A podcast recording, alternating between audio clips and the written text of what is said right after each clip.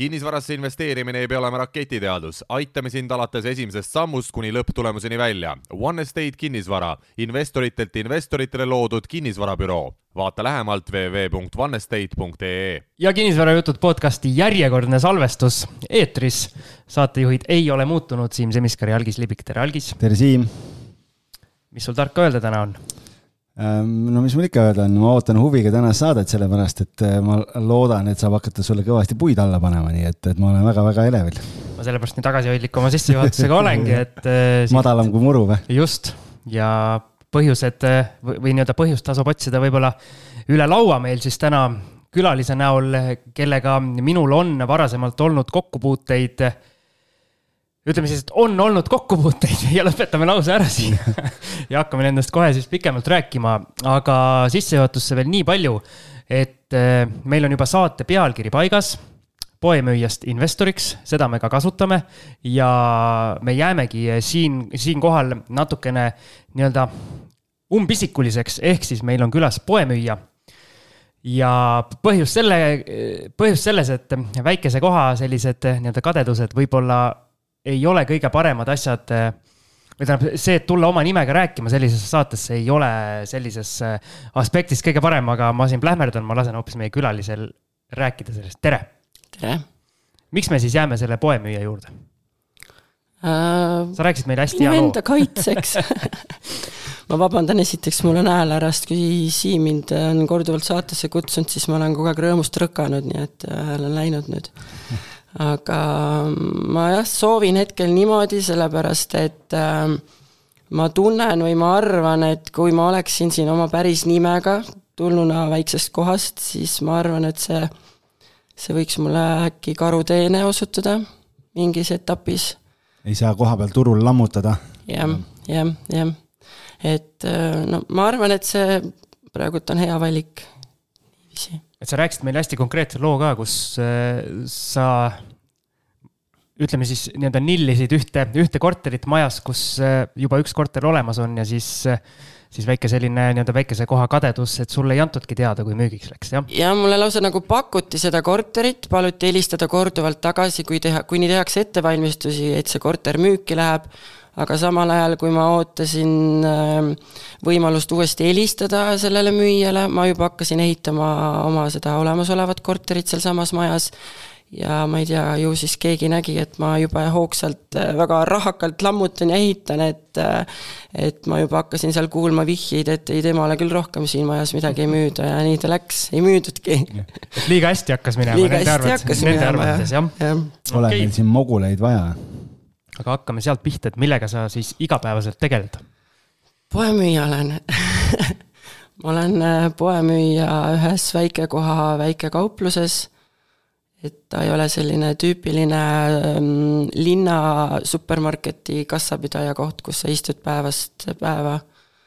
et ta on selline väikene kauplus, kus siis hallata ongi põhimõtteliselt kogu kogu pood alates kauba sissetulekust kuni kauba väljaminekuni, kõik see müügisaali haldus ja klientidega pead rohkem vähe suhtlema, kui võib-olla kusagil suures marketis kassas istudes ja ta on niisugune tore, mulle väga meeldib. ehk siis kõiki neljakümmet üheksat oma klienti sa tunned nägupidi ja nimepidi? jaa, ja ostukorvi pidi ka eh, ma just tahtsingi siia vahele öelda seda, et noh, noh Assamala toome mängu jälle, on ju, et ma mäletan. kas Assamalas on pood ka või? praegu ei ole, aga kunagi mul onul äh, oli, oli pood Assamalas ja ma mäletan seda aega äh, väga hästi, et. Äh, ja siis ma mäletan, et kunagi seal oli selline asi kasutusel nagu vihik, vihikusüsteem on ju, et külarahvas käis aga vihikusse ostmas ja, ja siis, kui pinsipäev või, või palgapäev oli, siis maksti ära ja, ja läks vihik uuele ringile, et kas selline asi on nagu tänapäeval ka veel võimalik?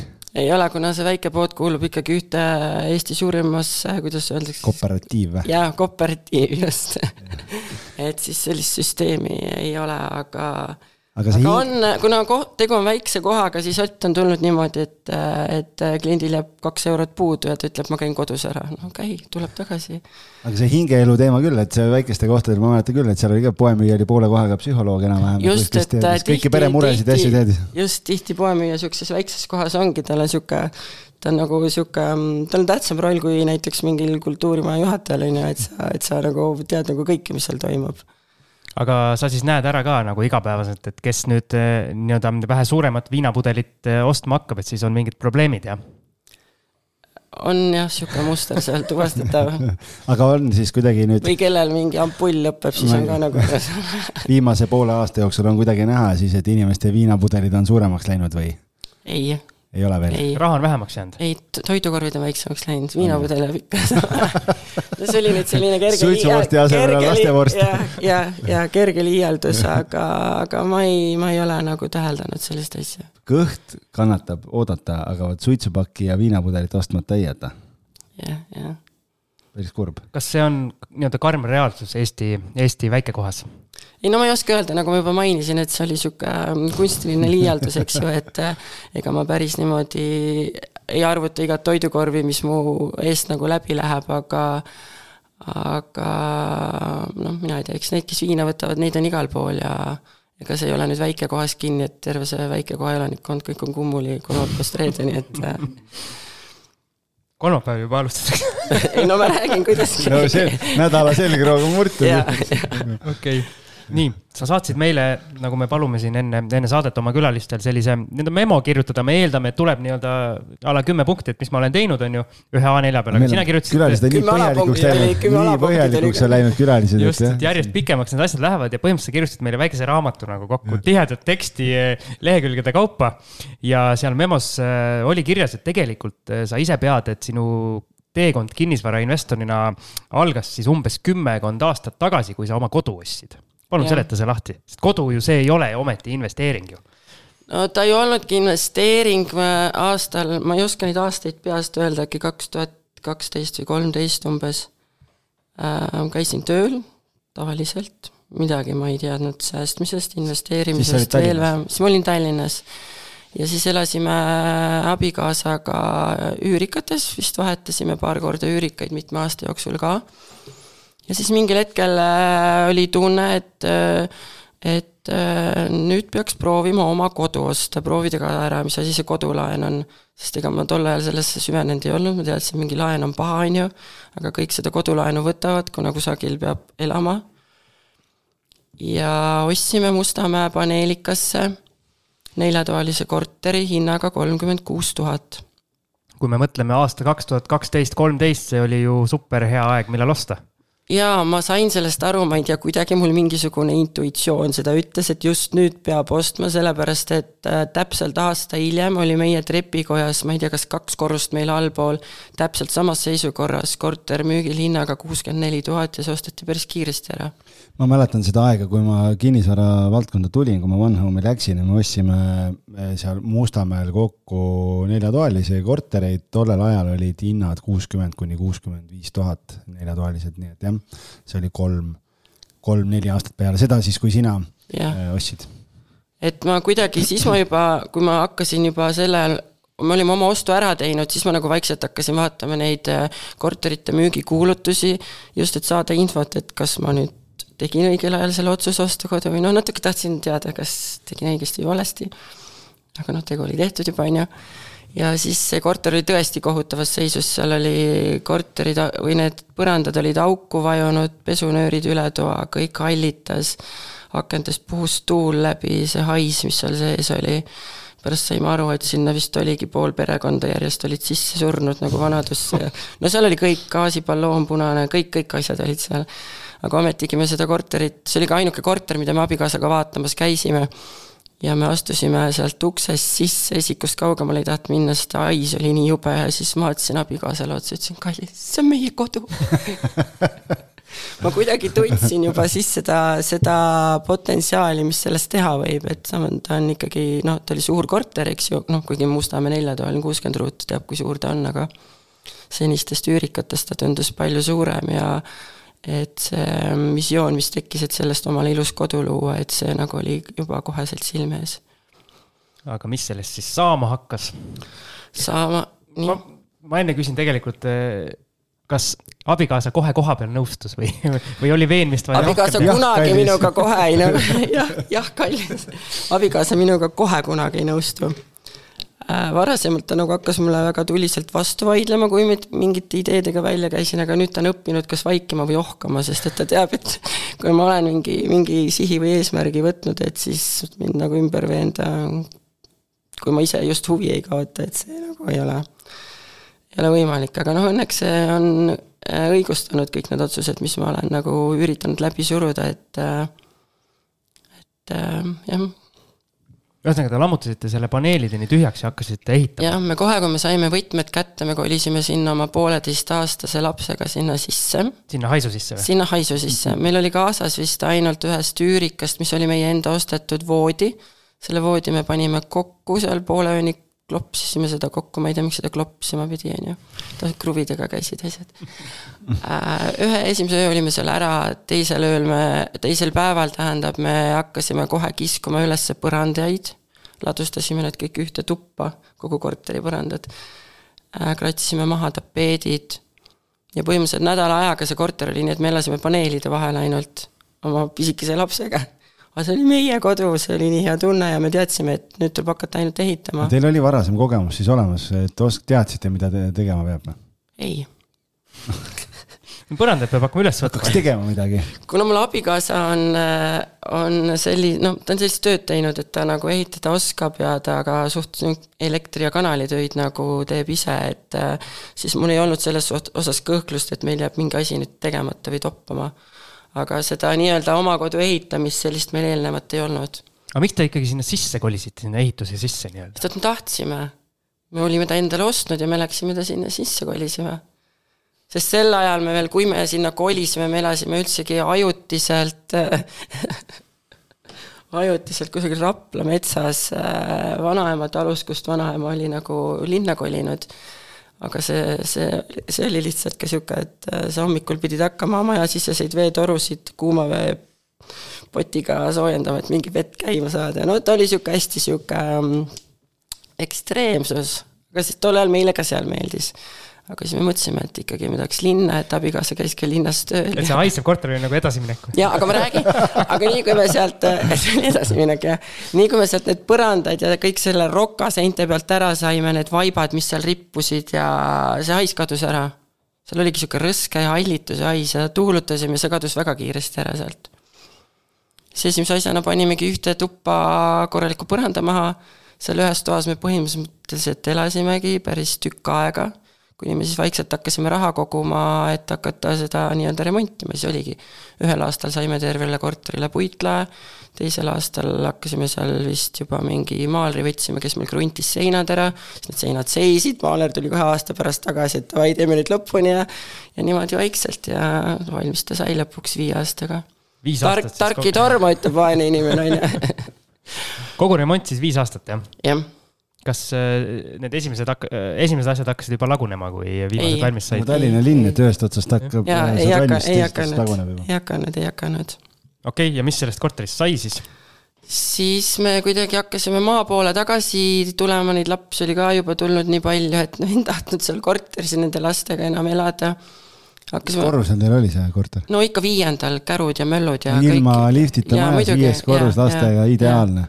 jaa super no,. ehitusmaterjal oli hea, hea. oi, oli, ära räägi, ära räägi. põrandat välja vedada ja kõik ja. oli mõnus. ja, ja no põrandat ma välja sain nii, et ma oma endiselt treenerilt palkasin kaks spordipoissi seda tegema. rumalad poisid tulid ka aga teinekord enam ei tulnud, kui ma kutsusin, aga aga nad tulid, nemad said taskuraha ja siis. rumalad aga tugevad, ma saan aru. rumalad, aga tugevad, nad olid jah, tugevad heitepoisid jah aga neid viiemeetriseid laelaudu sinna tarida ja kipsplaat, ei ma, ma olen kõik seda ise teinud, et ähm, enam ei taha. no kõik oled teinud pärast ka ju? no ma ei ole päris neid kipsplaate nagu väga ise nagu enam tassinud, aga, aga, aga jah, et äh, sinna no, veel. siis tuli see otsus, et äh, lähme, liigume edasi, et. tagasi jah, maale tagasi. jah, maale tagasi. Back to basics. et mis siis sai? Siis kuidagi me hakkasime seal maal nagu käima rohkem ja ühel hetkel ma nagu mõtlesin, mul siis sel ajal veel ei olnud veel autojuhilube. mõtlesin, ma ei viitsi nagu nende lastega liinibussiga kogu aeg sõita maa ja linna vahet. ja siis ühel hetkel oligi, ma mäletan väga hästi, see oli aastavahetuse paiku, täna siis neli aastat tagasi. siis ma nagu mõtlesin, et aga ma ei peagi sinna linna tagasi minema, ma tööle ei lähe, on ju, väiksed lapsed lasteaias ei käinud veel. ja tegingi otsuse kolmandal jaanuaril, et peale koolivaheaega juba vanem laps läks maal kooli ja kõik läks nagu väga valutult. ja kohe mul õnnestus mingi aeg panna ka see korter üürile, äh, mis oli jah, omaette niisugune kui sul enne üüri, üürile andmise kogemust ei olnud, et ähm, kuidas see protsess kõik välja nägi siis inimese jaoks, kes mõtleb, et nii, üüriks nüüd oma kodu välja, et äh, mis sai? Selle võiks ennem nagu eelnevalt läbi mõelda, kuidas see protsess käib, aga aga ma olen ise, arvan, ma olen inimene, kes õpib ujuma alles siis, kui ta vette visatakse, siis ma ise ennast sinna money vette kukutasin, teadmata, kuidas seda money sealt easy'sti kätte saab panin Facebooki gruppidesse kuulutuse oma imelise kodupiltidega. üürihinnaks panin viissada eurot. põhimõtteliselt poole tunniga mind joosti pikali igas keeles, kirjutati. no kust see hind tuli, et oh, paneks viissada? Lambist, hea, ümmargune. number. Ma ei tea, ma võib-olla sirvisin mingeid üürikuulutusi ja vaatasin, et oh, kõigil on mingid ägedad korterid, aga see on minu kodu ja see on kõige ilusam, et ma panen veits juurde, vaata ma ei tea, võib-olla mingi sihuke loogika, ma ei mäleta täpselt. Aga kirju mul tuli jah, umbes poole tunniga tuli päris palju igas keeles. ja siis mulle vist äkki helistas või ka kirjutas üks endine töökaaslane, et ta elab minu lähedal ja tal, ta on just otsimas suuremat üürikorterit. siis mõtlesin, oo, tuttav inimene, jumal tänatud. no, no, no, no see ei ole jumal tänatud mõtlesin, et on kindel valik, on ju ei olnud väga kindel valik, aga aasta ta seal sees elas, misjärel ma otsustasin, et ma rohkem seda üürilepingut pikendada ei soovi. mis teil juhtus siis? meil ei juhtunud midagi, aga võlgu ta ei jäänud, ta midagi ära ei lõhkunud, aga oli nagu, mulle, mulle ei meeldi niisugune nagu, kuidas ma ütlen väga räigelt, oma raha kerjamine, on ju palun maksa äkki ikka saad. saaksid ikka see, kui üüri ka maksta. jaa, ei ta oligi üüri, ta nagu maksis ilusti kogu aeg, aga aga see kommunaali maksmine oli kogu aeg, et ta unustas ja ta kuidagi, ta ju maksis, et miks ei ole tulnud ja lihtsalt mulle tundus, et see on niisugune lohakus, mis mulle endale nagu üldse ei meeldi. ütle, et sul ei ole, arutame, lepime kokku. kus kuule, ma tegin ülekande või et jaa, et tänapäeval. Ma, ei ole arvet saanud, et uh, huvitav, see kuu ma ei ole arvet saanud, saada uuesti mulle, et uh, ma ei tea. ma tegin ülekande, et ma ei tea, et see vist peaks kaks päeva aega võtma, tänapäeval see ei võta kaks päeva kaotasin need internetipanga paroolid kaotasin ära. Need siuksed klassikalised vabandused, et see on sihuke õpiku näide. jah, aga no lõpuks ikkagi lahenes kõik hästi, et äh, mida noh, ma sain oma korteri ilusti tagasi ja ja riidu me ei läinud ja, aga ma jah otsustasin, et ma ei, ma ei taha see üüriäri, issand, see on jõudnud, ma ei taha, ma ei taha inimesi ka näha ja ma ei, ma ei taha oma raha lunida kogu aeg ja. Siim, inimene, kes ütles, et ta ei taha üüriäri ja kinnisvaraga tegeleda, istub meil täna siin laua taga. jah sest edasi läks kõik hoopis teistmoodi. edasi läks kõik hoopis teistmoodi. tere tulemast kuulama kinnisvarajutu episoodi. hakkame nüüd jah uuesti. aga siin memos sa kirjutad, et äh, sa tagantjärele oled mõelnud, et ilmselt oli asi selles, et sa oma ilusate kätega tehtud kodu andsid üürile ja see oli nagu halb. jaa, ma kartsin kogu aeg, et äkki seal nüüd midagi lõhutakse ja äkki ta nüüd hakkab seal laamendama, kuigi no ta oli samamoodi pereinimene, on ju, et mida ta seal ikka laamendab aga ma ei tea, mul see hirm oli kuidagi nii, nii suur, et äh, sel ajal ma, ma nagu, nagu ennast ei osanud kõrvale panna, et ma olen ka üürikorterites elanud ja ma ei ole mingi laamendanud ja mingeid ummistusi seal korraldanud, nii et üürniku, üürileandja peab välja kutsuma. et see kuidagi oligi see teadmatus, sest tekkiski see hirm ja sa kogu aeg nagu kuidagi magasid vähe kehvemini ja mina olen ka tähele pannud, et need korterid, mida ma, kuhu ma üürniku leian, kus omanik on ise sees elanud nendega on kuidagi selle üürniku valimise protsess on ähm, pikem ja keerulisem kui mingi investeerimisobjekti oma, sest neid kuidagi, neid emotsionaalseid kriteeriumeid tuleb sinna juurde, kuigi ma ütlen alati, et nüüd, kui te siit olete ise ära kolinud, teil on uus kodu, see ei ole enam teie kodu, et, et äh, selle emotsionaalse taaga peate siit nüüd endaga kaasa võtma ja lähtuma sellesse kui investeerimisobjekti.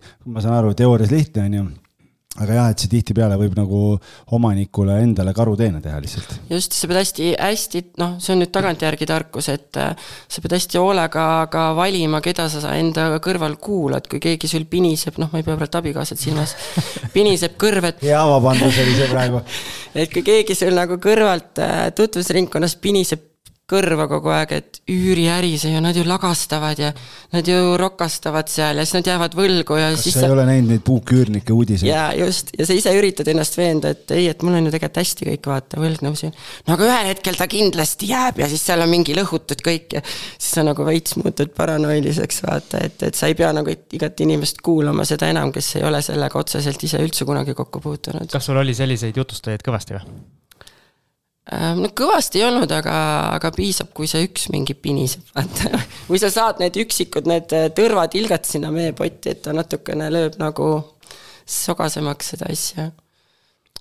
kas äh, ikkagi mingil hetkel siis sul see kinnisvarapisik natukene hammustas jaa, või? sest et kui ma andsin oma korteri üürile viiesaja euroga, mille eest ma maksin kodulaenu sada neli eurot kuus, siis ma nagu mõtlesin, et oot-oot-oot-oot-oot. kuskil on midagi, kuskil on midagi valesti, kuskil midagi toimub, eks ju. ja sel hetkel ma sain aru ka sellest, et sel ajal mul oli see kodulaen olnud juba viis aastat ja viie aastaga see kuumakse sada neli eurot, see oli nagu muutunud no väga väikeseks. nii-öelda oma tajutavuse poolest, eks ju, et ma nagu väga ei tundnud, kas see oli, läks see sada neli eurot maha või mitte sealt arvelt ja siis ma nagu sain ka sellest asjast aru, et äkki see kodulaen nagu ei olegi mingi nii paha asi. sinnamaani ma olin arvanud kogu aeg, et võlg on võõra oma ja see tuleb kiiresti tagasi maksta. et siis ma sain nagu sellest aru, et, et siin on, siin on, siin ka nagu midagi toimub. aga üldse sa said siis mingi hetk selle investeerimispisikuga pihta, et üritasid ja. seal mujal ka paugutada? Ja oi, siis ma hakkasin paugutama täiega siis läks lumepall veerema.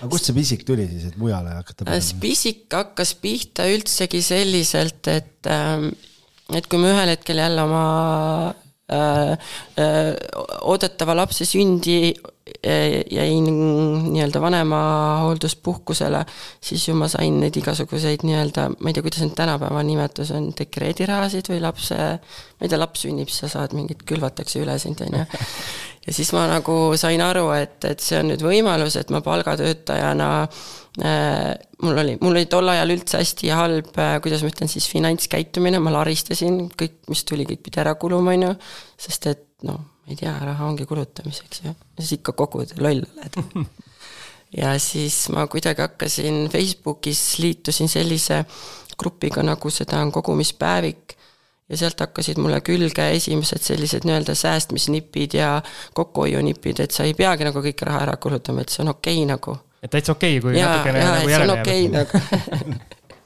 algis on see okei okay või, kui järele jääb natuke? ma jõuan kunagi vist sinna, ma arvan. no nüüd mul jälle ei jää midagi järgi, aga noh, see on nagu teadlik valik, et ma paigutan, üritan ära paigutada igale poole, aga jah, tol ajal see, see käitumist muutis mul nii palju seda mm, rahaga läbikäimist, et et mul mingil hetkel hakkaski nagu raha järgi käima ja ma hakkasin ka hästi teadlikult kulutusi tegema ja ja kuidagi seda raha hakkas järgi jääma ja siis äh, hakkasin juba nendest nii-öelda tänapäevastest finantsõpikutest huvituma ja lugesin need Jaagu raamatud läbi ja lugesin läbi ka need Ameerika isade raamatud, mis mind üldse nagu ei kõnetanud, see oli nagu kosmoseteadus minu jaoks.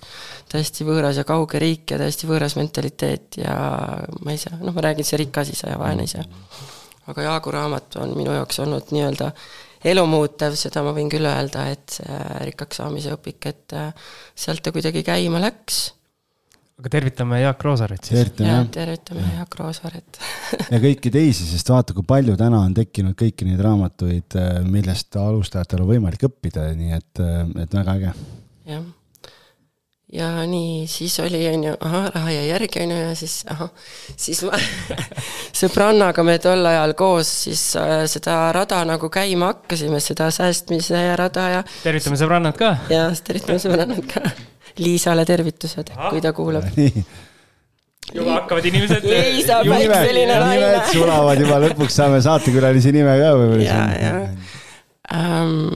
ja siis kuidagi see sõbranna mul hakkas nagu väga väga äkitsi lähe-, läks kohe nende aktsiate peale, kui mina veel üritasin, selline koht oli nagu Creditex, see on vist praegult ka ühisrahastuse platvorm vot ei tea. sini, ei tea, see on nii lihtne, nii lihtne asi, et ei tea sellest midagi. tuleb raha tagasi ka sealt või? no ta korra tuli, aga ma ei tuli, aga ma kuidagi tundsin, et see ei ole mulle, et see on nagu ka sihuke hästi ebamäärane asi ja ma, aga ma mäletan, et sinna ma oma esimesed kümme eurot äh, kandsin ja sealt ma ka mingeid intresse ja selle kümme eurot ka tagasi sain. aga siis Liisakene ühel veiniõhtul minu loal minu kontolt ostis mulle kümme Tallinna Sadama aktsiat, seda ma mäletan, noh, ei olnud eriti käre veiniõhtu, seepärast mäletan ainult kümme ainult kümme jah. rohkem mul ei olnud raha selle jaoks. ja siis need aktsiad jäid mul sinna kontole seisma päris tükiks ajaks. ma ei teadnud üldse, mis asjad need on. aga kuna mul seal olid, on ju, siis ma pidin hakkama uurima, et millega tegu on.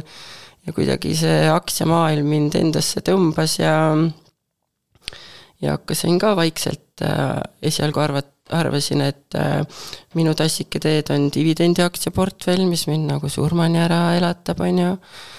tegelikult see hiljem selgus, et see ikkagi mulle ei sobi.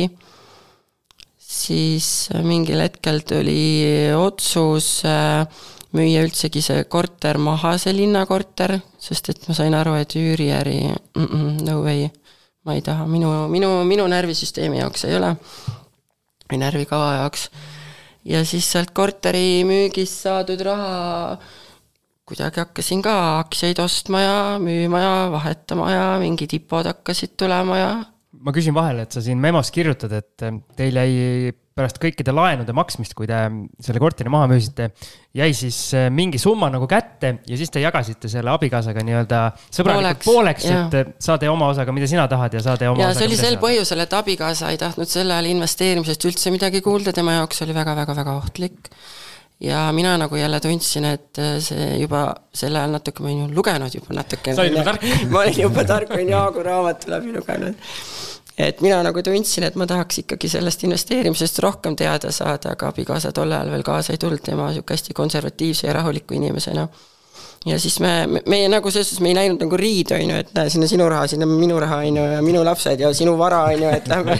koer jääb sulle. koer jääb sulle, on ju. Et, et me lihtsalt jagasime raha ära ja tema ütles, et ta, kui ta huvitub investeerimisest, tal on see võimalus seda raha hakata kasutama või kasvatama või kahandama, on ju. ja mina sain oma osa kätte ja mul oli nagu see stardipositsioon oli olemas. sain natukene raha ka, see summa oli viisteist tuhat eurot ja hakkasingi hommikuti Äripäev lahti, lugesin mingid uudised ära, kuulsin Äripäev raadiod ära, lugesin kõikvõimalikud artiklid läbi äh,, siis hakkasin täheldama mingisuguseid muutusi aktsiate hindades vastavalt sellele, mida keegi ütles. ja kuidagi ma hakkasin nii-öelda siis ennustama, et, et äh, hommikul turu avanedes mul mingid ordenid olid juba sees mingi hinnaga ja mingid aktsiad ma sealt sain ja kas siis õhtul või järgmisel päeval, kui ma nagu arvasin, et nüüd oleks õige aeg need maha müüa, siis ma müüsin maha ja ja kuidagi niimoodi kasvas aastaga see aktsiaportfell tuhande, kümne tuhande euro võrra. kas sinust sai aktsiakaupleja või? ma ei nimetaks seda päris kauplemiseks, sest ütleme, sest ütleme ausalt, ega ega ma ei teadnud, mida ma teen.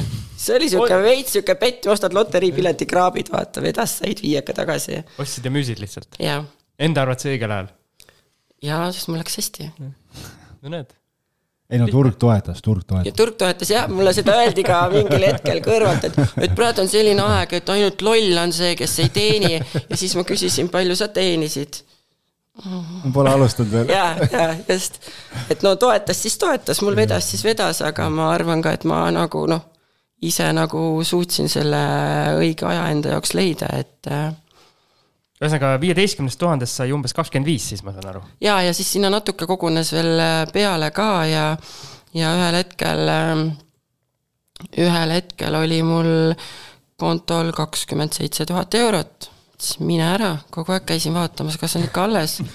mul ei olnud kunagi nii palju raha olnud. ei läinud pangaautomaadi juurde, mina neid pankasid ei usalda, ma võtan välja. jah, ma võtan välja, et äh, et annan selle telleri kätte, mitte Katri telleri kätte, vaid panga telleri kätte, et on kindlas kohas, on ju. et äh, selle aja, see kakskümmend seitse tuhat mu pangakontol oli veel selliselt, et ma müüsin ühel hetkel kogu oma aktsiaportfelli maha, sest et ma tundsin, et nüüd on õige hetk see maha müüa. tagantjärgi vaadates oligi kõige viimane aeg see maha müüa. äkki sa peaks raamatu kirjutama? ei, ma kirjut-, ma kirjutasin juba memo näol. Ja siis hakkas tulema veel see teise samba raha ka ja kui Kristi Saare nüüd kuulab, siis tal tulevad vihapisarad silma, aga sain oma teises sambas ka viis tuhat viissada eurot. võtsin välja, tegin selle rumala otsuse. ja siis ühel hetkel oli mul kontol natukene üle kolmekümne tuhande, see summa oli, Siim? kolmkümmend kolm tuhat või? sinna jõuame kohe. nii, nüüd me jõuame sinna kohta.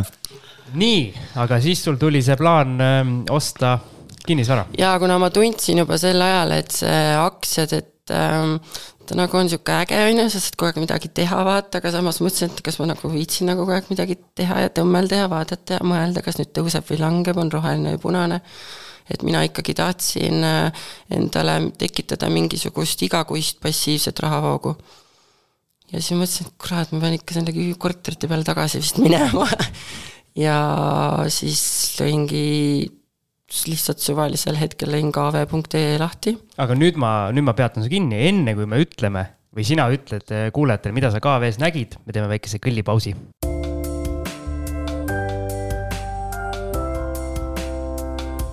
nagu vanasti suurepärases teleturus, siis õigel ajal tegin õige, õige pausi. ja no pinge ikka üleval on ju. pinge siiamaani püsib, meil endal ka püsib. kuigi meie teame, millest jutt hakkab aga kuulajad veel ei tea. ühesõnaga, okei okay,, lähme siis edasi. mis sa seal KV-s nägid siis? siis KV-s äh, ma ei tea, miks ma hakkasin ühel hetkel vaatama kodupiirkonnast kaugemale neid müügipakkumisi või äkki ma paningi mingi filtri, mis äh, oli seatud äh, kus oli oluline just see hinnapiir, eks ju, ma enam ei vaadanud, mis korterit või kus asub, minust enam-vähem mingi normaalse raadiuse kaugusel vaatan.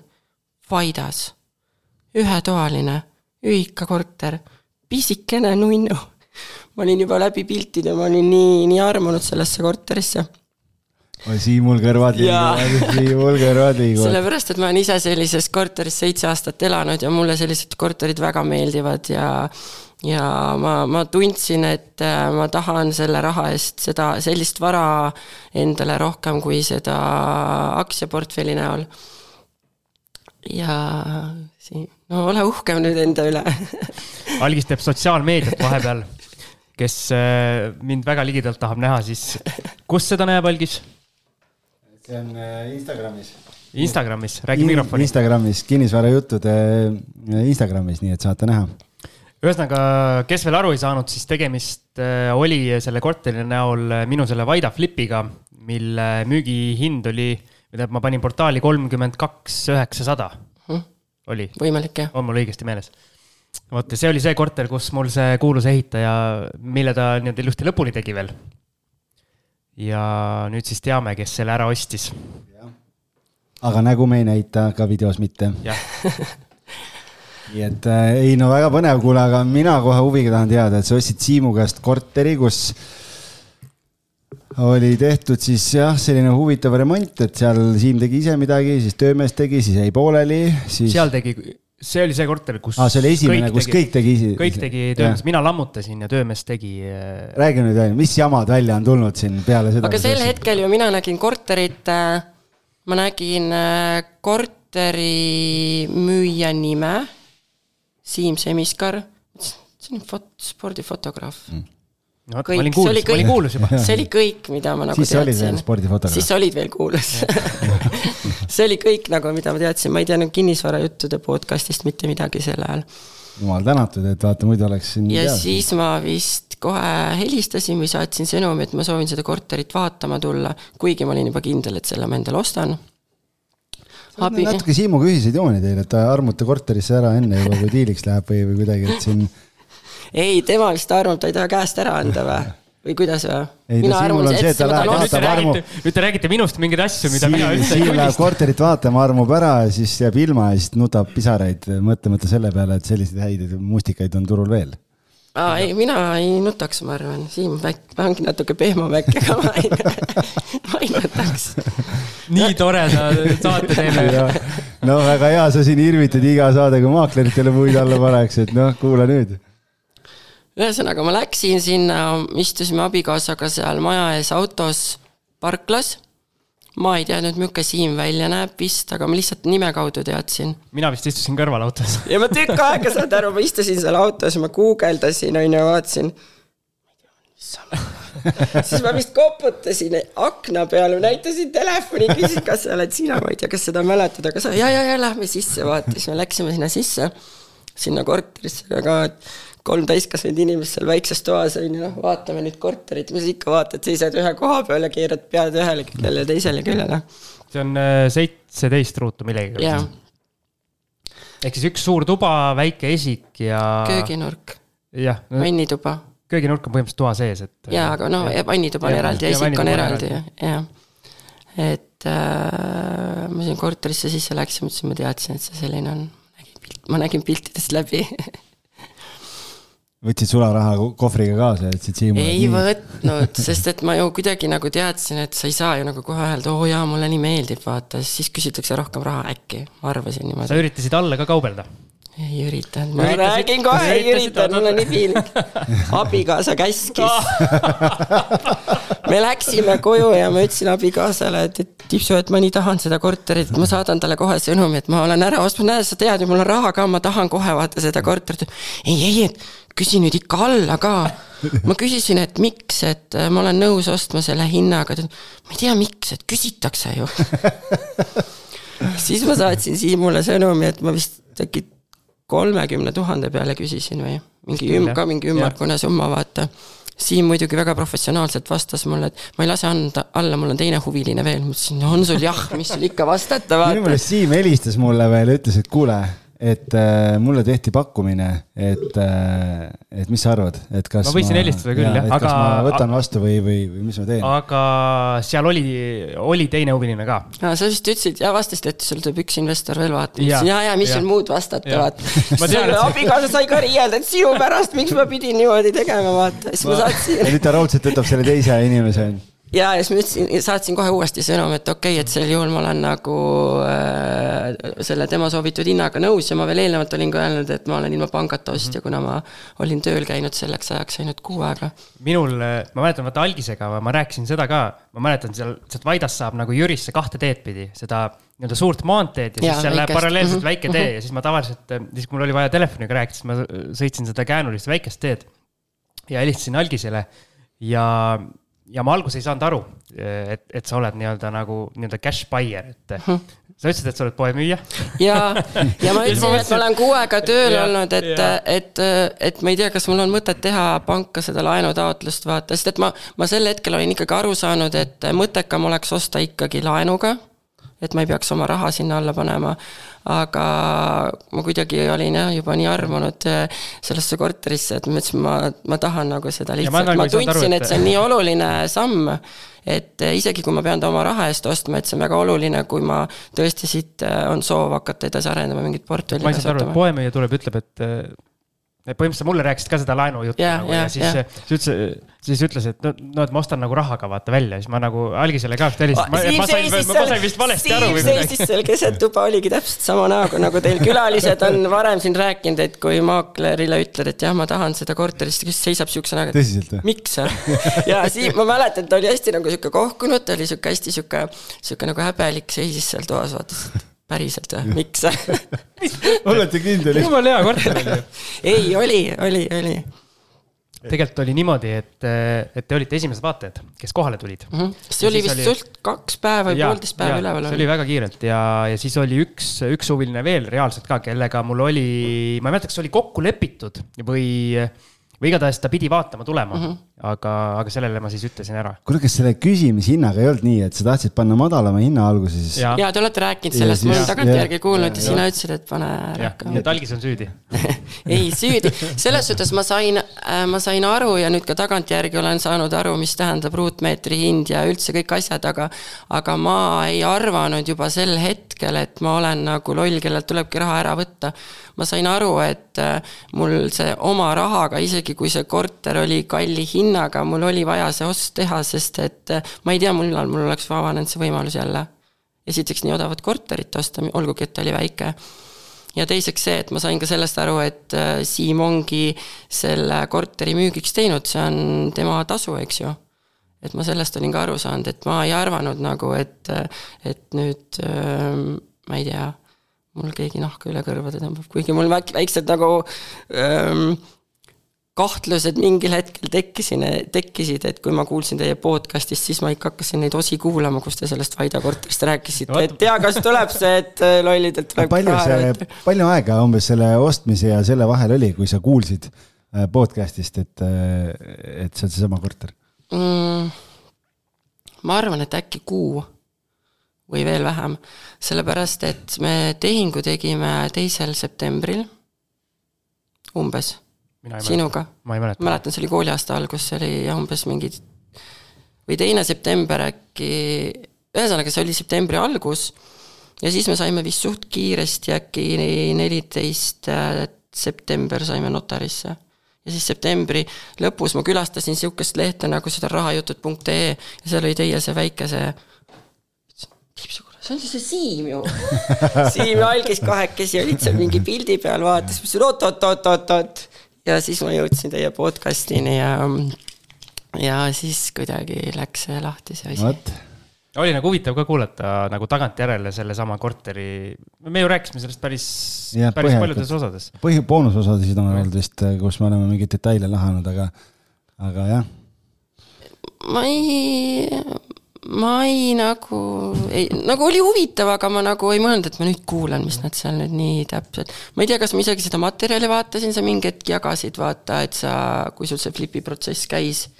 või noh, ehitusprotsess ja pärast seda müüsid, et ma ei mäleta, kas ma isegi neid materjale olen vaadanud. ma üritasin leida saatenumbrit, kust me võisime sellest rääkida, aga Siim, sa võid nii kaua küsida järgmise küsimuse, et, et ma natuke surfan korra. aga sa ei andnud seda korterit kohe üürile? miks? Aa ei oota, üks küsimus mul oli veel enne.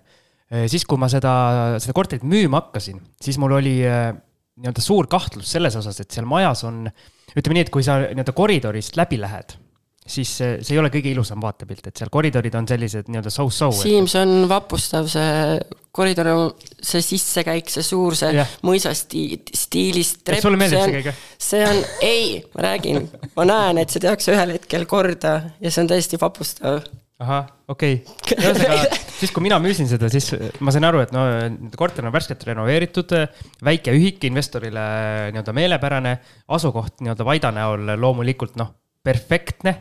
et äh, aga jah, need koridorid, et äh, aga ma saan aru, sina läksid sealt läbi äh, nii-öelda kinnisilmi või? mina läksin, mina läksin korterisse, ma läksin korterit vaatama ja korterit ostma nojah, kui sa nüüd kunagi kolisid äh, väikese lapsega kuskile Aismasse, Aismasse Mustamäe korterisse, siis ma leidsin üles. Äh, saade number viiskümmend kolm, äh, pealkiri on Flipist Vaidas oksjonil käe väristamisest, üllatustulemustest Airbnb-s ja leivast ja leivast pluss kapist. ja siin on, tekstis on kirjas, et Siimul sai tehtud üks flip Vaidas mis tõstis sealse müügihinna lati reaalselt tuhande üheksasaja euro, tuhat üheksasada pluss euro peale ruutmeetri kohta. aga kas see oli nüüd esimene või, aga teine korter on sul käes endal, sa oledki ühe flipi teinud välja? esimene on mul äh, käes ja teine oli flip. jah, okei okay., nii et siis, siis äh, saade viiskümmend kolm oli see, kus Siim rääkis sellest tehingust mm. -hmm nii et kaudselt sa olid juba saates viiskümmend kolm külaliseks ja,. jah, jah, jah, sest äh, ma ütlesin, et ma ei ole kuulnud, kus te korterist räägite, aga neid, kus näiteks Siim ütles, et, et äh, korteri ostis üks väga meeldiv naisterahvas ja tal käsi värises, kui ta tegi ust lahti ja ta, et ta ütles, et ta on esimene üürikord ja seda ma olen vist mingi üheksakümmend kuus korda kuulanud siukseid lõike. olen niimoodi öelnud või? jah, no ma natukene. jumal tänatud, et sa nii rääkisid. aga ma mäletan, et sa ütlesid jah, et, et ja ma mäletan mäletan ka seda, kui ma, tulime sealt notarist tagasi ja me läksime võtmetega sinna korterisse, ma tegin selle ukse ise lahti ja ma ütlesin, et see on mu esimene üürikorter, et ma olen nagu nii elevil. no aga väriseski käsis. no väsis no., ma räägin, kõik on õige no, ja no, faktid, faktid on õiged. oota, mis mul see nüüd küsimus, aa, sa ei andnud üürile seda? jaa, ma ei andnud üürile, sest et äh, nii jälle... ilus oli ja nii nunnu, et ei tahtnud üürida? jaa, jaa, ma kartsin, ma ei teadnud, kuidas peab andma aga ma teadsin, et ta on mul nüüd olemas, on ju ja ma ei pea teda üürile andma, ma ei pea maksma iga kuu pangalaenu, ma võin teda hoida, ta võib mul tühjana ka seista. kuuskümmend viis eurot kommunaali ma võin maksta iga kuu, on ju. no ma ei teadnud. ja siis jälle, on ju, viska vette ja siis ma õpin ujuma. üürikorter oli käes, nüüd pidi teda üürima hakkama. no aga sa olid korra ju tegelikult juba korterit üürile andnud, et see oli suht sihuke, sihuke koba, vaata, ma, ma ei nimetaks, et ma sealt mingi väga mingi õpetuse oleks saanud, kuidas seda tegelikult peaks tegema, seal ma tegin seda ikkagi oma peaga ja noh, mul oli tuttav, oli üürnik ja et seal ei olnud nagu, nagu siukseid nagu, seal ei realiseerunud mingid need päris hirmud, mida ma tegelikult kõige rohkem kartsin. Ja ma teda üürile ei andnud, kuna sel ajal oli juba vist see koroona ka hakkas möllama ja ma tundsin, et äh, kui mm, pikk pime talv äh, on ees, kus tuleb perega majas kinni olla võib-olla terve talv otsa, et siis mul on vaja niisugust ajutist pelgupaika. ja sellena ta oma eesmärki täitis, käisime seal lastega vahepeal, käisime seal üksi ühe lapsega, nii-öelda kvaliteetaega veetmas teise lapsega, on ju, kolmandaga et äh, ta oma eesmärki täitis ja mingis põhjusel ma teda veel ei andnud kohe üürile. Äh, sama nagu ma ei anna ilmselt kohe üürile ka oma järgmisi kortereid. ma tahan, et see korter oleks sisse elatud. et ma tean, et seal torud ei tilgu, ma tean, kuidas seal pesumasin töötab, on ju, Siimu korteris ei töötanud üldse, ma võin öelda. nii Äh, ja ma tahan, et äh, kui ma annan korteri üürile ja ütlen, et see korter on vaikne ja naabrid, naabrid ei häiri, siis ma tahan olla selles ise veendunud. tegelikult võib-olla seal öösiti toimub. miks pesumasin ei töötanud? See oli Facebooki Marketplace'is ostetud ja ma vist äh, siis äh, ostsin rükkis pesumasina ja ta ei kontrollinud seda ennem. väga hea, väga hea. aga pesumasin oli sees niisugune klassikaline klipp, et. Äh, ja lisan veel juurde, et Siim käis eile mul sealsamas korteris uusi pilte tegemas ja siis ta ütles, kuule, sa võiks selle külmkapi ka välja vahetada et see eilne pildistamine läks mul päris kalliks maksma, ma pean külmkapi ka uuestama aga ma kuidagi olin sellega arvestanud, sest et ma teadsin, et see on müügikorter, ma ei eeldanudki, et seal on, on uus tehnika sees. ja kui ma lõpuks. pesumasin võiks ikka töötada ükskõik, kes ta minu meelest ta töötas, selles mõttes. ei, ta töötas, aga tal oli esialgu, ma arvasin, et tal jalad vajavad regullimist, sest et ta käis mööda tuba ringi, on ju, nii palju, kui see järelvoorutoru võimaldas, on ju. ta oli aktiivne. ta oli aktiivne, ta oli aktiivne kodumasin ja, aga ma ühel hetkel sain aru ikkagi, et mul on ennem ka varasemalt kodus pesumasin paar korda nii-öelda ähm, otsa lõppenud, et tal oli mingi trummel ikkagi lahti ja seda noh, parandada oli mõttetu. nii et kui ma lõpuks sinna üürniku sisse panin, siis ma ka üürnikule ütlesin, et pesumasinaga vist on mingi probleem, aga aga las ta veel praegu olla, ma tahtsin esimene kuu üüri kätte saada, et siis ostasin uus pesumasin ja siis ta oligi, ta oli nädal aega sees, ma olin esimese kuu üüri kätte saanud ja siis ma panin selle ilusti endale siia kapi peale, et kui ta annab mulle teada, et uut pesumasinat on vaja, siis ma võtan selle raha ja lähen ostan. ja nii oligi aga nii-öelda lõpuks sa ikkagi panid üürniku sinna sisse, kuidas see protsess läks? esiteks, kaua ta sul ilma, ilma üüriliseta oli ja? ta oli ilma üüriliseta mul, ütleme, et kui ma sain selle korteri sinu käest septembri keskel äkki, üürnik läks sisse sinna neljas detsember. päris pikalt ikka, jah? jah, no põhimõtteliselt pool talve mm. -hmm et ma sain olla ka seal ise nii-öelda selle poolkütteperioodi sees äh, et ma ka nägin, et seal ei oleks mingisugust hallitusprobleemi, mis tihti võib äh, tekkida, kui sa pead nagu ise selle õhksoojuspumbaga kütma ja sul mingi augud on äkki kinni topitud või üldse näha, kuidas see nagu ventileerib ja et seal ei oleks, ei tekiks mingit probleemi, vaata.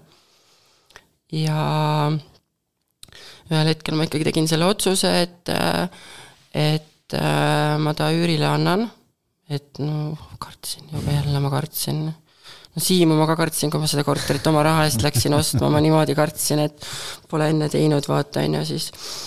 Ja panin kuulutuse üles vist ainult kohalikku Vaida gruppi ja kahe tunniga mul oli üürnik olemas no näete, näete, kuidas Vaida buumib. liiga odav, liiga odav hind. ja, ja ilmselgelt. ja selle üürihinna ma vist võtsin ka niimoodi, et ma ei ole, ma ei ole sihuke inimene isegi nende, kui ma tegin neid aktsiatehinguid, et ma mingi analüüsin või loen või. ma loen inimesi, kes on analüüsinud ja selle töö kõik ära teinud. ja samamoodi, kui ma Siimult selle korteri ostsin, seal müügikuulutuses oli kirjas vist, et ka mingid tootluse särgid, värgid, protsendid, on ju ja ma mäletan, et seal oli mingi võimalik äh, üürisumma ka kirjas, sada kaheksakümmend eurot äkki, ma mõtlesin, ma pean veits juurde, kuna pump oli ka sisse pandud selle ajaga, õhksoojuspump. ja ma ise ei arvutanud mingit seda üürisummat, lihtsalt panin veits juurde ja panin ülesse ja kohe sain üürniku. no vot, ma olin, ma olin konservatiivne, ma ei tahtnud ja. üle lubada. no see on hea, under promise over deliver ikka. just et nii ta läks ja läks siis äh, noorpaar, arvasin ka, et väga hea valik. aga jõuame sinna veel vererõhk langeb jälle nüüd natuke. hinga, hinga. okei okay,, nii, seal on nüüd üürnikud sees ja lähme jutuga edasi, sa ei tahtnud üldse mitte nüüd, nüüd pidama jääda. ja nüüd hakkas see õige. nüüd läks möll lahti, siis ma avastasin selle äh,, ma ei tea, kas on õige öelda Pandora laegas, mis see Pandora laegas, mis puhul öeldakse, poemüüja ei tea. Ühesõnaga, ma avastasin teie podcast'i ja ma hakkasin äh, seal poekassas istudes äh, osi algusest saadik kuulama läbi, üks osa oli umbes üks tund, mul tööpäev oli kaksteist tundi, ma kuulasin umbes kümme osa päevas wow,. Wow. ma lihtsalt kuulasin, mul oli pood seal kõrvas. inimestega, inimestega ei suhelnud enam? ei, suhtes ma olen, ma olen selles suhtes, ma arvan, et ma olen hea klienditeenindaja, ma olen viisakas, ma alati loon kontakti, on ju. mulle ei meeldi need kliendid, kes mõmisedes seal toimetavad, nad üldse ei pane tähelegi, kas see inimene sul seal kassas istub või mitte. panin ilusti klõps kinni või võtsin ära, teenindasin, panin jälle kõrva kuulasin kõik need osad läbi ja siis mul oli lihtsalt huvitav teada, kuidas see asi käib kõik, kuidas see üüriinvestori äh, hingeelu, milline see on ja kuidas see äh, äri käib. kuni ma jõudsin osani, algis ütleb kohe numbri, selle pealkiri vist on vihakõne hoiatus saade viiskümmend üheksa, ma otsisin selle teadlikult igaks juhuks välja, kuna sellest oli märkmetes juttu. seda ma mäletan, et vihakõne hoiatus. viskasime. LHV Foorumile panite. see kuulus LHV Foorum, ja, ja. ja ma mäletan, ma seda osa kuulasin ja kus osa sai läbi, olin vist, seisin keset ladu vist enam-vähem, lasin käed rippu kõrvale ja mõtlesin omaette, kõik, nüüd ma hakkan pihta super, hea töö, Siim. Te seal lahkasite neid äh, asju nii üksipulgi ja kuidagi, et ma mõtlesin, et ma olen nagu müüdud, et sel hetkel ma sain aru, et et isegi kui ma olin ostnud selle väikse Vaida korteri ja ma teda neli kuud välja andnud, et et see oli ka sel hetkel õige otsus, ta oli mul varana ikkagi olemas ja ta ajas noh, loodetavasti kasvab, eks ju sest et ma tolle hetkeni arvasin, et kui sa ostad üürikorteri, siis sa pead kohe-kohe big money come, big money come, on ju. et see ei ole päris nii, et sa võid osta ka korterit lootes, et ta kasvabki sul ajas, kasvatab väärtust, et et ei ole päris niisuguseid õigeid või valesid otsuseid või, või noh, tehinguid, et et kuidas sa ise tunnetad, et ta sulle nagu raha võiks teenida, kas siis lühemas või pikemas perspektiivis, et et jah, et siis ma sain aru, et ma hakkan pihta, kõik, mis ma teen, kõik on õige, kõik muutub kullaks, mida ma puutun. Nii, ja siis tuli uus korter silmapiirile. Või sa hakkasid äh, ikkagi? see uus korter ja need osad, kui ma nende osade kuulamisega jõudsin nagu järje peale, oli vist enam-vähem detsembrikuu, oligi umbes siis, kui ta esimene läks üürile ja siis ma nagu juba sain aru, et see mingi, see võluvõti on mingi kodulaenu, et mul ei ole, mul ei ole ühtegi laenu, mul ei ole autoliisingut, järelmaksu. et ma olen tegelikult päris hea klient pangale. oma mitme lapse ja madala palgaga, on ju. ja mõtlesin, et savi, mis siin ikka halba saab juhtuda, tegin kodulaenu taotluse Viide panka. tuli, ei ole maksevõimet, lapsi on palju, kaastaotlejat ei ole, kõik tulid eitavad vastused. palju sul neid lapsi siis on? Kui see on avalik saladus? Ähm, see on avalik saladus. No rohkem kui kaks. Moodne, moodne tänapäevane perekond. nii palju kui vaja ja nii vähe kui võimalik. Et äh, tegin kodulaenu taotluse, neli panka kohe ütlesid, et sa oled liiga vaene ja sul on liiga palju lapsi, vaata. saad liiga vähe palka ja sul on liiga palju lapsi, et et, et me ei saa sulle isegi mingit pakkumist teha võimaliku summa osas, et äh, ei ole nagu see seda alust. see suurelapselisus on nagu mingi puue. jah, ongi mm. -hmm see ongi puue. normaalsed inimesed ei taha nii palju. nii, ja siis äh, läks vist nendest eitavatest vastustest vist veel nädal aega mööda, kui ma sain vastuse ka viimasest pangast Äh, ma ütlesin neile ise juba, tegin ennast maha, ütlesin, et kõik on mulle ei öelnud, et mul on nii vähe, mul on nii väike palk ja nii palju lapsi ja mul, ma ei taha kaastaotleda ka laenu ja kõik, et te ütlete ka mulle ei, siis nad hakkasid ise, pakkusid, ei no proovime ikka proovime ikka, ütlesin no proovime, on ju.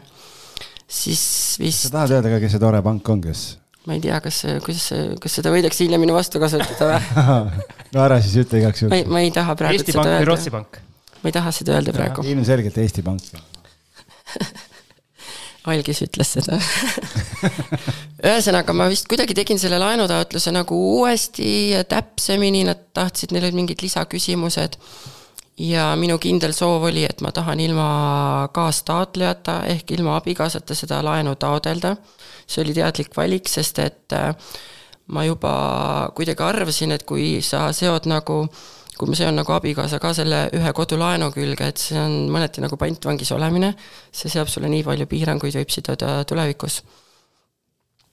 ja nad koostasid mulle laenupakkumise summas kolmkümmend viis tuhat eurot, ütlesid, kui sa selle eest midagi saad, siis tee uus konkreetsem pakkumise laenutaotlus.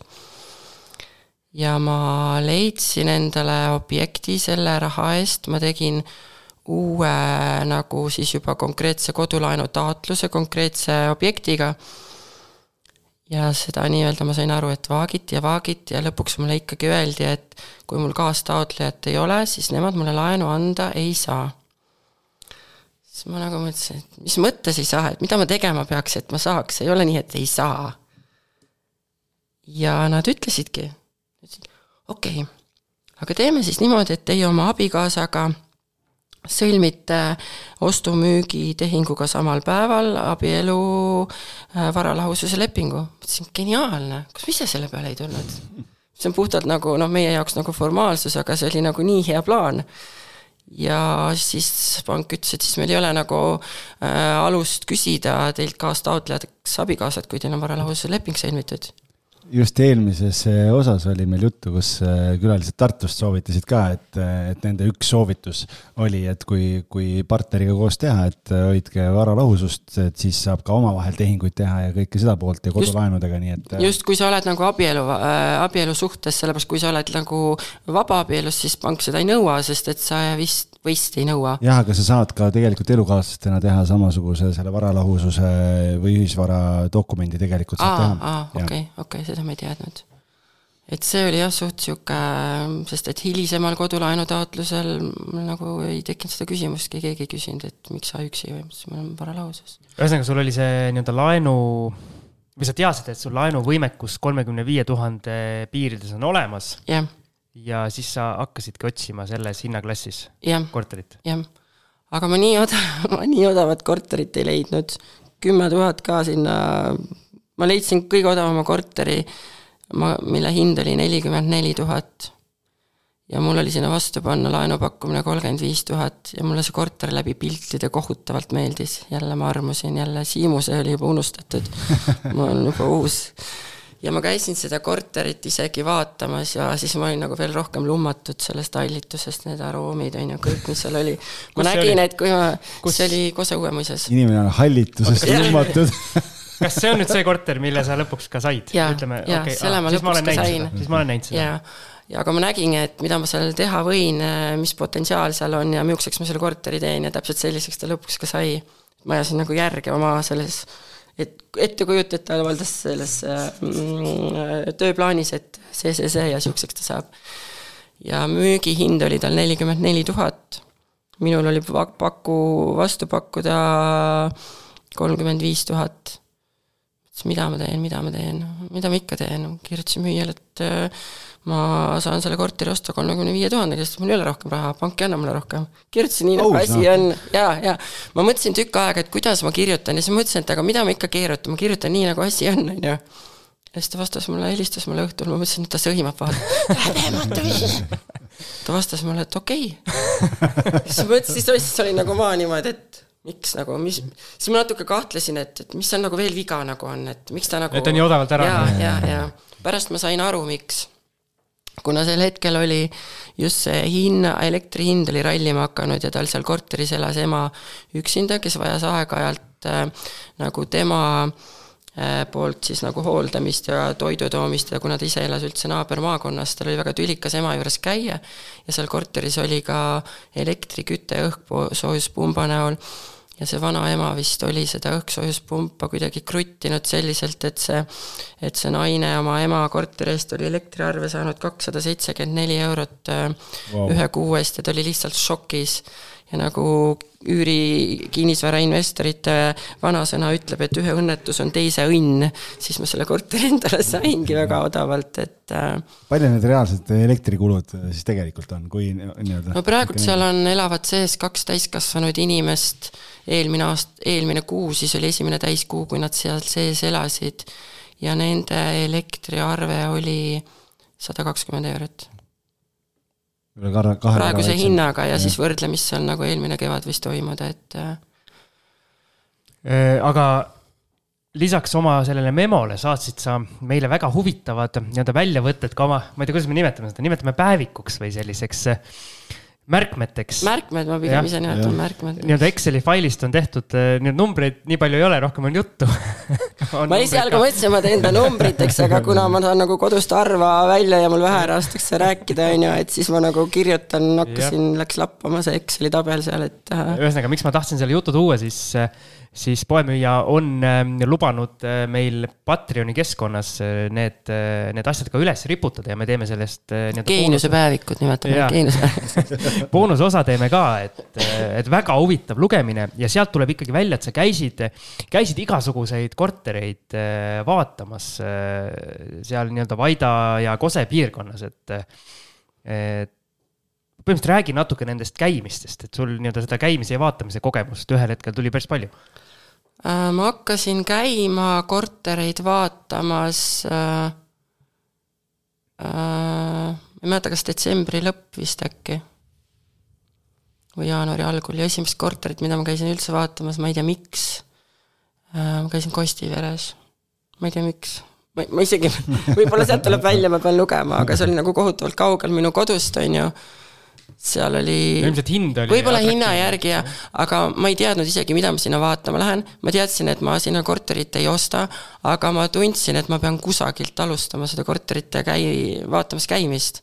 et üldse aru saada, miks see on vajalik, on ju, et äh, õppida tunnetama seda, milline on selle korteri äh, väärtus, milline on õiglane hind, võib-olla õppida ka äh, üldse, kuidas peab käima korterit vaatamas, sest see, kes sulle korterit näitab, ta ju ise hästi palju räägib, tema huvi ongi sulle seda korterit tutvustada, rääkida võimalikult palju. Äh, et ma niimoodi nüüd hakkasin käima vaatamas. et see Kostivere vist, mis oli minu kodust nagu kõige kaugem, see oligi niisugune kõige kaugem, teised olid niisugused rohkem kodulähedasemad kohad.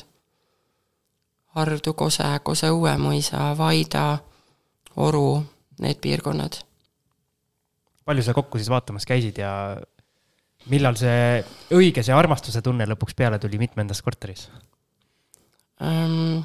see Kose Uuemõisa korterit ma vist nägin kuulutuses, ma ei tea, mitmes ta mul seal on, äkki mingi viies umbes selline, umbes, ma ei tea. vaata, paranda mind, vaata sul on märkmed ees ei ole veel. Neid märkmeid mul ei ole. ei ole, no ta oli umbes seal neljas, neljas isegi ja ma suht kohe kirjutasin, et see on mu lemmikkorter mm. -hmm. ma küll käisin veel edasi vaatamas teisi kortereid ka, aga sellesse korterisse ma jäin juba kinni ja ja ma tegin ka selle laenutaotluse juba selle korteri peale, aga niikaua, kui ma seda laenutaotlust ootasin, nii kaua ma jah, käisin ikkagi vaatamas, et lihtsalt käia vaatamas. ja siin on kommentaar juures, ma loen, mis siia on kirjutatud selle korteri kohta sinu poolt täna leidsin ja leppisime neljapäevaks vaatamise kokku, täna on pühapäev. omanik tundus telefonis veits närviline, kogu korter täiesti hallitab, terve maja, kõik korterid täiesti hallitavad. siin pole muud teha, kui täiesti tühjaks lammutada. ega te maakler ei ole seda ta küsis. ja siis sul on veel kirjutatud siia juurde, et väga hea ju, kui kõik hallitab, minu koht hinda alla küsida ja mitte kümme protsenti nagu kinnisvarajuttudes õpetatakse, vaid ikka kirvega mis on mulle veel pähe talletanud, algise sõnad, ostes teenitakse kasumit, no vot Siim, no näed. tark mees on seal. et see korterite vaatamine ja see esimese kort- või tähendab teise korteri ehk siis esimese kodulaenu see protsess, see läks mul nagu juba nagu õpiku järgi. et seal ma väga kindlalt mingeid samme endale seadsin, mis ma olin podcast'ist kuulnud ja sest ega ma ei ole nagu mingeid raamatuid juurde lugenud, kuidas kinnisüüri, üürikinnisvaraga tegeleda. et kõik on puhtalt ikkagi podcast idest tulnud no super, vähemalt on meist natukene kasu olnud. aga veel reklaamiks see väike tsitaat, mille algis ette luges. selliseid asju on meil umbes viie nii-öelda nagu screen'i, screen'i jagu, et screenshot'id on tehtud sealt Excelist, et väga, väga põhjalikud märkmed ja, ja siin emailid, mis on saadetud ja asjad ja kõik see pool, nii et, et. Kus meie toetajaks saab hakata? Patreon.com kaldkriips kinnisvarajutud. super. Ja mis sellest Kose Uuemõisast siis sai, läksid sinna hallitusse kohe korda looma? jah äh,, nii kui ma, aa, seal oli veel niimoodi, et see müüja veel telefonis, kui ta mulle ütles, et jah, ta on selle kolmekümne viie tuhandega nõus mulle müüma äh,. ta küsis mu käest, et äh, kas meil on võimalik teha selline kokkulepe, et kuni ta oma emale leiab uue elupinna, et tema ema umbes kolm või neli kuud võib seal sees elada edasi. Mina ütlesin, et jah, mulle sobib, kuna ma planeerisingi seal renoveerimist alustada mm, alles äh, suve alguses või kevade lõpus, et mulle see ajaliselt nagu sobis väga hästi, kuna ma teadsin, mul on veel vaja natukene raha koguda selle renoveerimise jaoks et mulle see ideaalselt sobis, tema siis maksis minu need igakuised laenumaksed nii kaua, oma kommunaalarved, et minu jaoks oli põhimõtteliselt nulliring et sa mingit üüri ei küsinud kui sellist, et ütlesidki, et pangalaenu see makse, et sellest ma tegin temaga üürilepingu okay. selle laenu maksesummas. okei okay.. ja sellega oldi nõus ja? jah, jah. okei okay., nii. ja siis äh, nii-öelda see ema ärakolimine, see kõik kulges valutult ja? no ma ei näinud, ma ei olnud seal kohapeal, aga ma sain aru, et see ema sealt kolida ära ei tahtnud ma ei mõelnud seda konkreetset päeva, kui nüüd auto ette sõit. või füüsiliselt kuidagi jah, et siin. ma mõtlen, et lihtsalt mingit probleemi ei tekkinud selle lepingu lõpetamise ja sellega kõigega, et. Ei, seal üks seik oli küll see, millest ma olen nagu kõvasti õppinud, et äh, ta vist äh, kolis välja äkki ütleme mingi suvalise kuupäeva, äkki kakskümmend kolm mai niimoodi, et nädal oli korter tühjane, et ma oleks justkui pidanud talle kommunaalarvetega tegema tahas, tasaarvelduse või tagasimakse, aga me leppisime temaga kokku niimoodi, et et kogu keldris oleva sodi ta jätab mulle, kuna mul oli nagunii konteiner vaja tellida, et korteri lammutusjääde konteinerisse panna, et siis selle, ma tühjendan selle keldri ka ära, et see mahub ilusti sinna konteinerisse et siis me oleme selle, noh, ma ei maksa talle seda kommunaalarvetest, ei tee seda tasa, tasaarveldust selle ühe nädala kohta, vaata. mis siis lõppes sellega, et suuline kokkulepe ei pea, tahtis mu käest tagasi saada kakskümmend neli eurot, sest tema seal korteris ei elanud, kuigi ma, nii kui ta sealt välja kolis, ta andis mulle võtmed, ma põhimõtteliselt järgmise päeva hommikul läksin, panin kinni, keerasin kinni vee, lülitasin välja elektri ja hakkasin seal kohe lammutama seal ei olnud mitte mingisugust tarbimist, aga noh, ma sain aru, et äh, seal ei ole nagu vaielda midagi. ütlesin selge, see on mu õppetund. Ja nüüd ma ei taha ühtegi sodi kusagil korteris näha, ma ei ütle enam, ma tassin ise selle külmkapid ja mööbli välja, et ei, ma tahan ainult puhast platsi.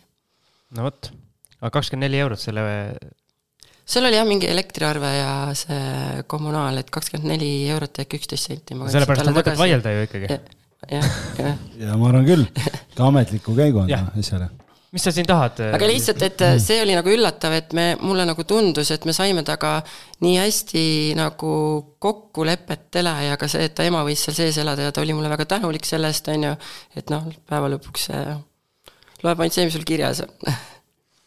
ja siis äh, ma tean, et sa tegid äh, nii-öelda renoveerimise kohta ah,, nii palju kuulajatele võib-olla, et mingil hetkel sa hakkasid minuga Facebookis ka nii-öelda rääkima ja mm -hmm nii-öelda natukene teada andma, kuidas sul läheb ja mm -hmm. võib-olla mingeid linke saama. mul ei olnud kellegagi rääkida, abikaasat ei huvitanud see üürivärk üldse. veel ei huvita. eks ta elus läheb ikka nii, et oma mehega kodus rääkida ei saa, siis hakkad teise naise mehega rääkima ja siis ma hakkasin jah, mul, mul ei olnud tõesti, mul ei ole tutvusringkonnas mitte ühtegi inimest, kes nagu huvituks äh, investeerimisest, säästmisest, no alastuma säästmisest, investeerimisest või mingist üürikinnisvarast, mitte ühtegi inimest ei ole. ma olen üritanud maad kuulata, ma olen üritanud iseenda huvist teada anda, aga mitte keegi ei võta vedu ja kedagi ei huvita. ja see vist, et sa oled natukene üritanud nii-öelda välja, välja kiirata, et sa see, seda asja teed, on üks põhjus, miks me ka su nime siin täna ei ütle, et on, on mingeid nii-öelda probleeme tekkinud. jah, jah, et äh, väikeses kohas on neid probleeme ka praegu ei hakka lahkama, muidu ma annan iseennast välja, et aga ühesõnaga, mis nagu, kuhu ma tahtsin jõuda, siis sa nagu, sul oli tehtud eh, remondiplaan ja see remondiplaan eh, või see eelarve läks, läks lõhki nagu ikka ja mul kõigepealt, mul oligi vist, äh, ma jagu suht kevadel juba, ma sain äh, jällegi Vaida poest, ma sain ehitaja, ma oma esimesed üürnikud sain Vaida poest ja ma ehitaja sain Vaida poest, seal Vaida poes elu käib ikka. sain väga hea ehitaja ja ma vist, ma teadsin, et tal on pikad järjekorrad ja ma juba kevadel andsin talle märku, et mul oleks vaja hakata suvel renoveerima korterit, et ma tahaks äh, selle töö talle jätta. ta pani mind oma tööde järjekorda, ta oli päevapealt kohal, ta lõpetas oma töö täpselt kuue nädalaga, nii nagu ta oli mulle juba kevadel öelnud, ta lõpetas oma töö täpselt kuue nädalaga ja ta oli mulle oma ka hinna ette öelnud ja siis mul see summa oli teada ja ma teadsin, et kõik ülejäänud asjad ma pean nagu ise tegema ja lisaks veel mööbli sisseost ja kõik mingid asjad, noh, ma muidugi tean, et ma mingit töömaterjali pean aga ise ostma, on ju, kui ma tahan, et ehitaja hind oleks nagu äh, madal, et noh, ühesõnaga, see mingi blondid hetked olid, aga aga ta jah, äh, ma tean, mul oli ees, oli oli selline plaan nagu algis sinu see Ken või Kevin, ma jälle unustasin, Ken on ju, et tema oma saates ütles, et nelisada eurot ruutmeetri kohta on täisreno hind, on ju. ma mõtlesin, et pool ise, orjastan abikaasa ka, ma teen kahe sotiga. aga kuna mul on nagu korterit ostes on nagu plaan, et ma tahan nad Renoga duubeldada, on ju, siis ma nagu duubeldasin väga kiiresti selle Reno eelarve ka, on ju see lendas ventikasse väga kiiresti. ei no aga see on adekvaatne arvutus ju, et ma pooldan ise, siis on poole odavam. jah, just, aga see, see, et ma ei oska nagu ise teha ja see võtab nii palju aega ja et ma unustasin vahepeal ära, et ma käin täiskohaga tööl ja mul on nagu pere ka, et see ei nagu mm, -mm. see ei mänginud välja. ja siis ta läkski niimoodi aga kui sul see eelarve lõhki läks, nagu, noh, kust sa võtsid selle raha siis, et äh, see...? mul oli, mul oli prioriteet, äh, kuna mul oli aega veel enne selle Renoni, mul oli aega ja mul oli olemas äh, sel hetkel säästudena see raha, mis ma pidin ehitajale maksma, see oli mul prioriteet, et talle ma võlgu ei jää, tema töö, ma tahan, et ta teeb oma töö ära, see, kuidas ma seal ise muu asjadega hakkama saan, seda ma sain ju ajaliselt venitada, see ei olnud nii aegkriitiline. ja siis ma hakkasingi kevadel äh, hakkasin tööd tegema, hullusti tööd tegema. ma suurendasin oma põhitöökohal töökoormust, ma võtsin vastu natukene parema ametikoha, natukene parema palgaga, no müüja keeles parem palk tähendab sada eurot kõrgem palk et äh, ma hakkasin tegema väljaspool tööaega lisatööd. ja mul oli, ütleme niimoodi, et äh, kevadest kuni sügiseni mul olid äh, kuud, kus mul töötunde oli ühes kuus kakssada kuni kakssada seitsekümmend. Wow. et see oli päris karm ja. Läksid, kui lapsed magasid ja tulid, kui lapsed magasid. mul oli, mul oli väga, mul oli väga isegi see, see aeg, kui suvel lasteaed on kinni, mul oli nagu emaga räägitud, et millal ema, ta alati küsib, millal meile sobib, et ta võtab puhkuse, et äkki meil on nagu, saame teda kasutada lapsehoidjana, äkki tahame ise kusagil käia ja mul oligi plaanitud, et ema võtab puhkuse juunis, abikaasa võtab puhkuse juulis, et ma saaks nagu tööd teha, kuna mul oli sil-, kindel plaan, oli juba sel hetkel, kui ma ei olnud veel esimest korterit renoveerima, teist korterit renoveerima hakanud, mul oli plaan juba taotleda teist kodulaenu oktoobris. ja seeläbi ma tahtsin ka siis suurendada oma laenuvõimekust. ma teadsin täpselt, et kuus kuud ma pean täiega hagu andma et koguda siis äh, vajalik summa, et ma saaksin oma renoveerimise lõpetada ka oktoobriks, sest ka sellel oli mul endal seatud kindel tähtaeg. sest et ma tahtsin, et see korter on renoveeritud äh, oktoobriks, uus hindamisakt saadud oktoobriks, et kui ma teen uut kodulaenu taotlust, et äh, siis selle teise korteri väärtuse kasvu ma saan kasutada järgmise korteri sissemaksu asemel. no mul oli korralik skeem, on ju noh, ma ütlen skeem nagu heas mõistes, et siin ei ole mingit pätte. plaan, plaan. plaan, see oli ja, plaan jah, aga ja. ta oli nagu hästi põhjalikult läbi mõeldud ja, ja selle järgi ma siis toimetasin. ja sa said selle korteri valmis nüüd mingi hetk enne talve või talvel, ma ei mäleta enam isegi millal, see ei olnud väga ammu üldse. ja tegelikult ehitaja, see korter tegelikult ta oli valmis, äh, panemata olid lambid ja liistud no need võtavad ikka kõige kauem aega. jaa, kaks kuud uh. -huh. sest ma mõtlesin, ma teen sutse ise, on ju, kaks kuud. kaks kuud ma põhimõtteliselt maksin tühja korteri eest laenu ja kommunaale, mis seal majas on väga kõrged, kuna nad koguvad väga agressiivselt seda remondifondi, et äh, maja nagu fassaaditöid alustada.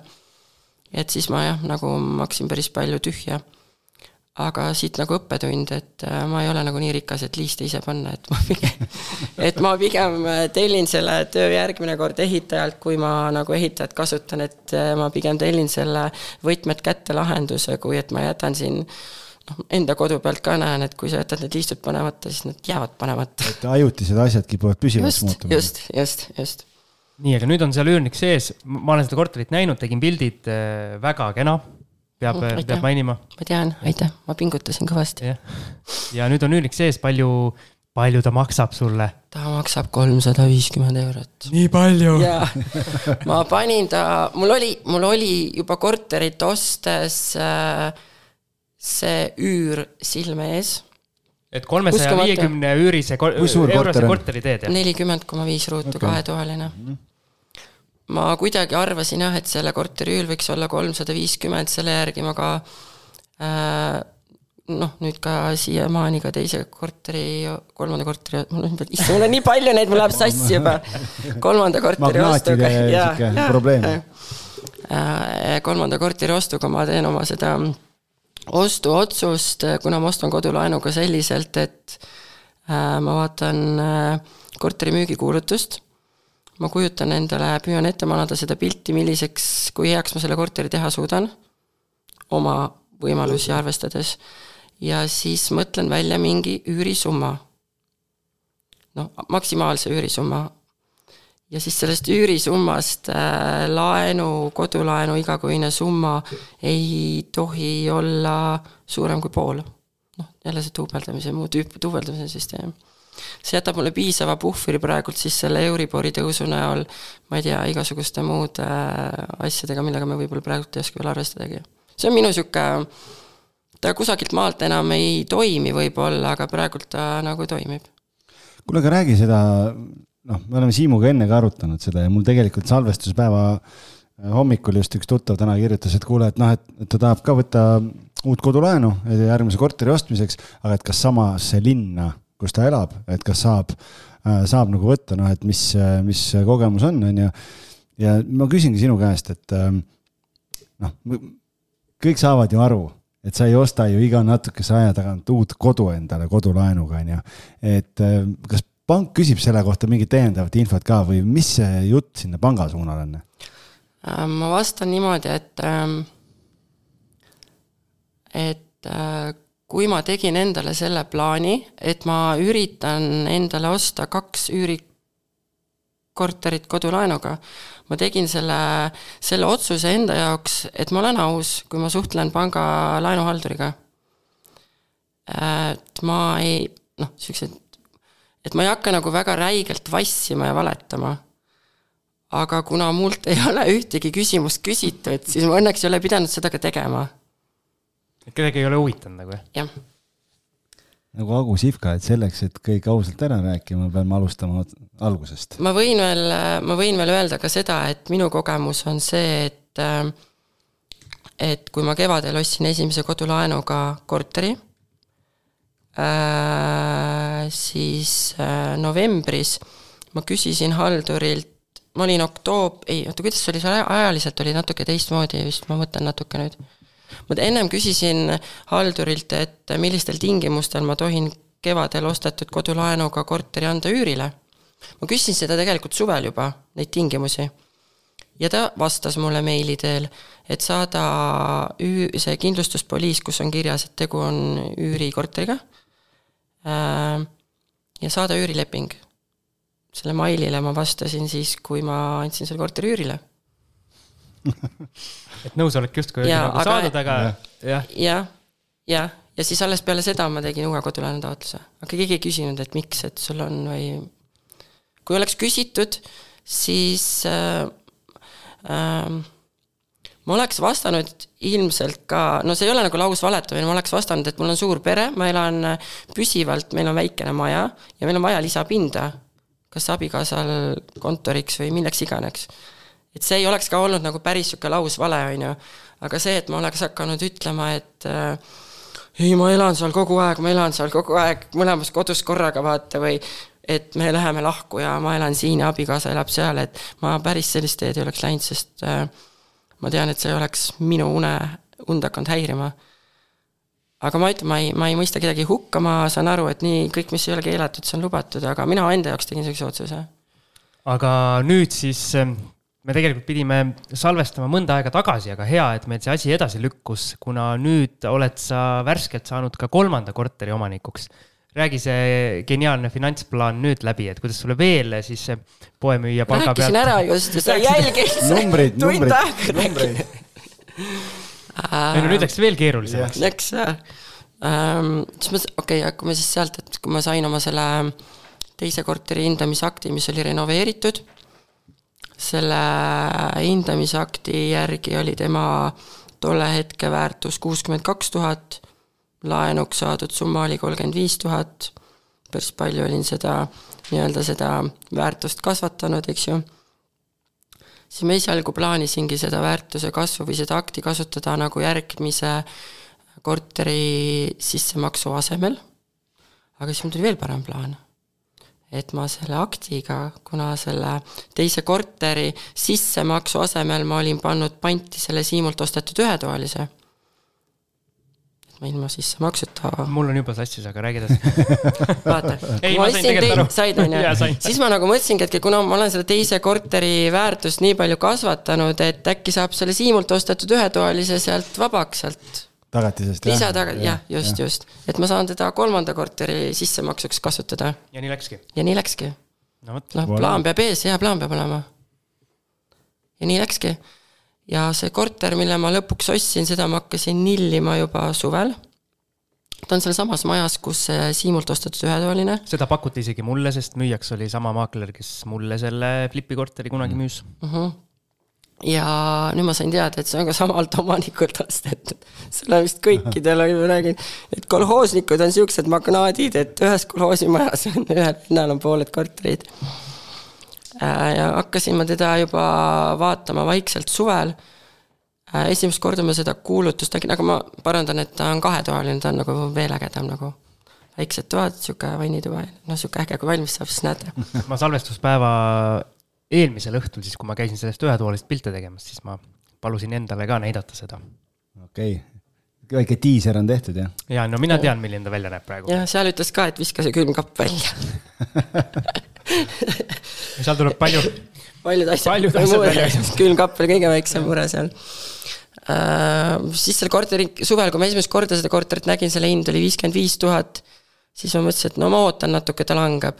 minu meelest see mina vaatasin ka seda kuulutust äh, ja see pandi meeletu hinnaga alguses müüki mm. -hmm. täiesti selle nii-öelda noh, meie praeguse või just eelnenud. see oli täielik sihuke õngitsemine ja siis ma lihtsalt vaatasin, et okei okay,, las ta seisab, ma millegipärast arvasin, et ähm, sinna majja keegi korterit osta ei taha ma arvan, et see oli isegi üle kuuekümne tuhande äkki alguses. ei, viiskümmend viis oli, ma vaatasin ka VS seda ah, hinna okay. ajalugu ja seal oli ka viiskümmend viis oli esimene okay. hind. siis ma mõtlesin, et okei okay,, ma jälgin, et ma hakkan vaatama, mis toimub. siis oli mingi suveline aeg, mõtlesin, et sügiseks nagu peaks hakkama midagi, midagi peaks hakkama toimuma. ja sügiseks ta hind oli nelikümmend viis tuhat, siis ma juba natuke reageerisin. ma tegin vist hinnapakkumise sellele nelikümmend tuhat, sest pangast ma olin saanud juba laenupakkumise neljakümne viie peale ja vastu tuldi neljakümne kahe poole peal. viimasel hetkel ma ikkagi mõtlesin, et ma niisuguse hinnaga ei tahaks seda, siis ma passisin veel. ma passisin veel. Siim ütles. kui raske sul Siim ütles ka, et passi veel, väga kerge oli, sest et ma ei tundnud mingit survet, ma nagu teadsin, et ma ei osta enda jaoks korterit, mida ma arvan. ja nüüd ma olen ja, tark juba, nüüd ma juba oskan, nüüd ma juba oskan, jah passi veel, passi veel, siis Siimu käest vahepeal küsisin ka, et ja kas peaks veel passima, ta ütles passi, passi siis passisin, kootsin ära oma aja ja maaklerile muudkui kirjutasin, et ma jälle pakun kolmkümmend viis tuhat ja ta ütles, et hetkel me veel ei ole nõus müüma selle hinnaga. ta nagu jättiski lahtiseks, vaata, et küsi mingi aja pärast uuesti. kusjuures ma nüüd ütlen vahele, kui, kui sina tegid vahepeal pakkumise neljakümne peale ja see lükati nagu tagasi, tehti oma, oma pakkumine, siis mingi aeg hiljem pakuti mulle seda korterit juba maakleri poolt kolmekümne kuuega ahaa, ehk okei, siis see okei, ehk siis jäeti vastu võtmata laual olnud pakkumine, mis oli kõrgem äh, kui siis lõpuks, oluliselt kõrgem kui lõpuks see ostuhind siis. nii ja mis sa kostad? mis sa kostad jah? hästi oodatud, hästi oodatud, et äh, mis hinnaga siis lõpuks, läkski see kolmkümmend viis või? jaa. Ma muudkui pak-, ma vist pakkusin kolm korda jälle, ma küsisin viisakalt, kas te nüüd olete nõus, et ma näen, et te tulete hinnas muudkui allapoole, nad juba lõpuks tulid vist kolmekümne kaheksa, üheksasaja peale kirjutasin jälle, et näen, et te olete tulemas allapoole, et et kas nüüd on, kas te olete valmis ka ühel hetkel müüma kolmekümne viie tuhandega. ja siis ta ütles, et jah, me oleme. Yeah. siis ma lõpuks läksin vaatama ise ka seda korterit, ma ei olnud käinud vaatamas. Ja läks hästi. No vägev, no mõtle, viiekümne viie pealt kolmekümne viie peale, et äh, megavahe noh, megavahe. jah, aga selles suhtes noh, ma sain sellest viiekümne viiest ka aru, et see aeg veel oligi suvine aeg see, et kus kõik nagu püüdsidki vaata, vaat kes jääb otsa. No äkki oleks hästi läinud. noh, et siis nad jäid grammi hiljaks lihtsalt ma arvan, et see maja on selline, et kohalike seas tal on halb maine, veel mingist nõukataagast ja võib-olla päris nagu mittekohalik inimene jälle võib-olla vaatab seal Vaidas neid korralikke viiekordseid, et ta ei ole päris niisugune standardne korterelamu. ma arvan, et nüüd äh, selle probleemiks on äh, esiteks see, et seal on elektriküte ja elektriküte on ikkagi paljudele ostjatele nii-öelda selline punane rätik uh. Mhm. -huh. ja teiseks äh, see ka, et ta oli ikkagi sellises seisus, et no okei okay,, võib-olla keegi oleks sinna nagu elama ka läinud, aga seal ikkagi tuleb teha oluliselt, oluliselt töid, et ta nagu nii-öelda korda saada selle. seisu kohta ma, Siim, ütlen sulle nii, et kui me tänasi, tänasest tagasi eilsesse päeva mõtleme, siis pärast sinu lahkumist tuli minu juurde selle äh, kortermaja nii-öelda perenaine siis, kes mm -hmm. seal hea korda hoiab ja kõike teab ja kõigega on kursis. ja tema ütles, et tal on nii palju huvilisi, kes tahavad sealt seda diivanit, seda lääpas vana palamut, seda vana elektripliiti, et see korteri seisukord, ma arvan, et seal, selle korteri oleks saanud isegi sellisena üürile anda, nagu ta on Vaida, oleks lei-, jah, Vaide. et seal on nagu hästi lai see, see ampluaa, et, et seal nagu jah, seal ma arvan, läheb kõik. seal on nagu üü- üürnikku on igasugust võimalik leida. kui palju sul nüüd sellest notarist möödas on siis? Äh, kakskümmend kaks detsember. Nädal? täpselt nädal. super ja töö käib juba siis, ja eile kratsisin tapeedi maha, nii hea tunne, nii hea tunne on.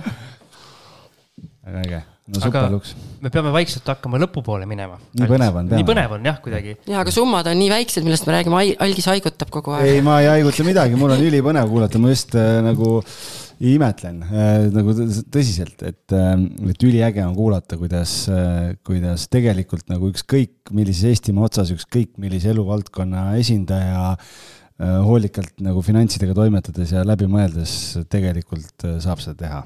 see on nagu üliäge. ja mul oli täpselt selleteemaline küsimus, et, et mida sa nagu, noh, meil see pealkiri oli juba enne saadet pandud, et äh, nii-öelda poemüüjast investoriks, eks, et äh, mida sa nagu neile inimestele ütled, keda ma usun, et on väga palju, kes ütlevad, et aa, et et madala palgaga, et ma ei saagi säästa, ma ei saa investeerida.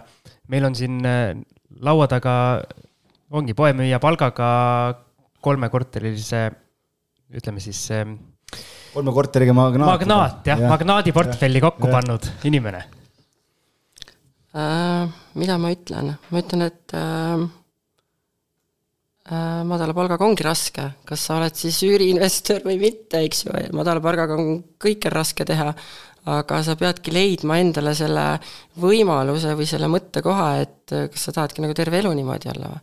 kas sa tahadki sõltuda oma madalast palgast või sa leiad mingi, mingi viisi ja hakkad pihta kusagilt? Et äh, ja mis mina ütlen enda kogemuse põhjal ähm,, kui sa oled selline väike kärbes, on ju, väikses kohas, on ju, siis äh, aga sa tahad midagi nagu suurt teha, kas või iseenda või enda pere jaoks, siis äh, kõik need pinisejad, kes sul kõrval on, teised samasugused madalapalgalised, aga kes ei taha enda jaoks midagi teha, et äh, ära kuula neid. et ümbritse ennast äh, nende inimestega, kes on mõneti samal mm, teel, kui sina oled. Ära kuula neid inimesi, kes ei tea, millest nad räägivad, kes üritavad sind äh, kogu aeg allapoole tõmmata tagasi, on ju, et kus sa nüüd ikka ronid, et ole siin meie siin lombi sees, on ju. ja kui sul ei ole muud varianti, et äh, sa ei leia endale neid mõttekaaslasi seal oma kas või tööseltskonnas, et sa ei leia omasuguseid omasuguste seas, et siis äkki äkki ongi lihtsam üksi pusida, sest et mina nagu suuresti noh, suuresti tänu Siimu toele, on ju, aga et ma tegelikult ikkagi olen nagu üksi. et ma toimetan üksi, et ma nagu väga paljude inimestega oma asju nagu läbi ei aruta, sest et mul ei, mul ei ole neid inimesi ümber no nüüd küll ka abikaasa, kes siin alguses. tahtsin küsida, kuidas nüüd selle abikaasa on, sa enne ütlesid, et noh, siis ta veel ei olnud. oi aga..., abikaasa on Nii. ka armunud vist. aga mis Siim arvab, küsi ikka Siimult ennem, küsi ikka Siimult ennem. alguses oli ikka nii, et mis sa tüütad sellest Siimust kogu aeg et nüüd ta on nagu jah, ta on nagu. kas teil no... on Siimu pilt kodus seina peal ka? ei ole, ei ole et ta on noh, selles suhtes, ega ma ei panna seda abikaasale pahaks, ta on ka sihuke hästi ettevaatlik, hästi konservatiivne ja see on nagu tema viis mind nagu kaitsta, et ma mingit rumalust ei teeks, aga. kuule, aga mul tuli geniaalne mõte praegu, et kui sa nüüd selle korteri saad sisustada, siis pane Siimu pilt sinna seina peale. Ükskord välja üritada et, et äh, mul on nagu jah, hea tunne, et ma märgatavalt nagu tunnen ja tajun seda, et mul on mingisugune teadmine tekkinud tänu neid teie podcast'e kuulates ja nagu mingisugune enesekindlus, et, et ma julgen ja suudan ise otsustada ja ise teha otsuseid ja mingisuguseid valikuid. ja tore, et ka abikaasa on seda märgama mis abikaasa nimi on? Ära, ära, ära, ära ütle, ära ütle, õige, me ei, me ei praegu ütle. tervitame abikaasat, ma tahtsin sellepärast öelda. ta kuuleb kindlasti. tervitame abikaasat, jah, see oleks praegu muidu sihuke libe tee olnud. ja tervitame abikaasat ka, nii et väga tore. mul läks nüüd küsimus suure näoga. mina küsin selle kohta. aa, ei oota, oota, oota, oota. noh. mis su geniaalne plaan nüüd siit edasi näeb, et äh, kolm korterit on olemas. kas. Äh, mitukümmend sulle jah. veel kodulaenuga antakse? Ma ei tea, mitu antakse, aga ma aastal kaks tuhat kakskümmend kolm tahaks osta veel kaks korterit. ma ei tea, kuidas, mul raha ei ole, ma ei tea, kust seda saada täna, aga ma tahaks. mul on mingi õhk, õrn sihuke plaan, aga ma ei ole mingit kindlat tegevuskava veel seadnud. aga ma kaldun arvama, et äh, kodulaenu ma selleks enam ei saa. praegult mitte, kuna mul on kaks peal. ma midagi mõtlen kindlasti välja, ma alati mõtlen. no näed mis su küsimus oli? mina tahtsin küsida, et mis su kaugem eesmärk on? aga no, kaugem, no aga. natukene veel kaugemale vaadates, et äh,.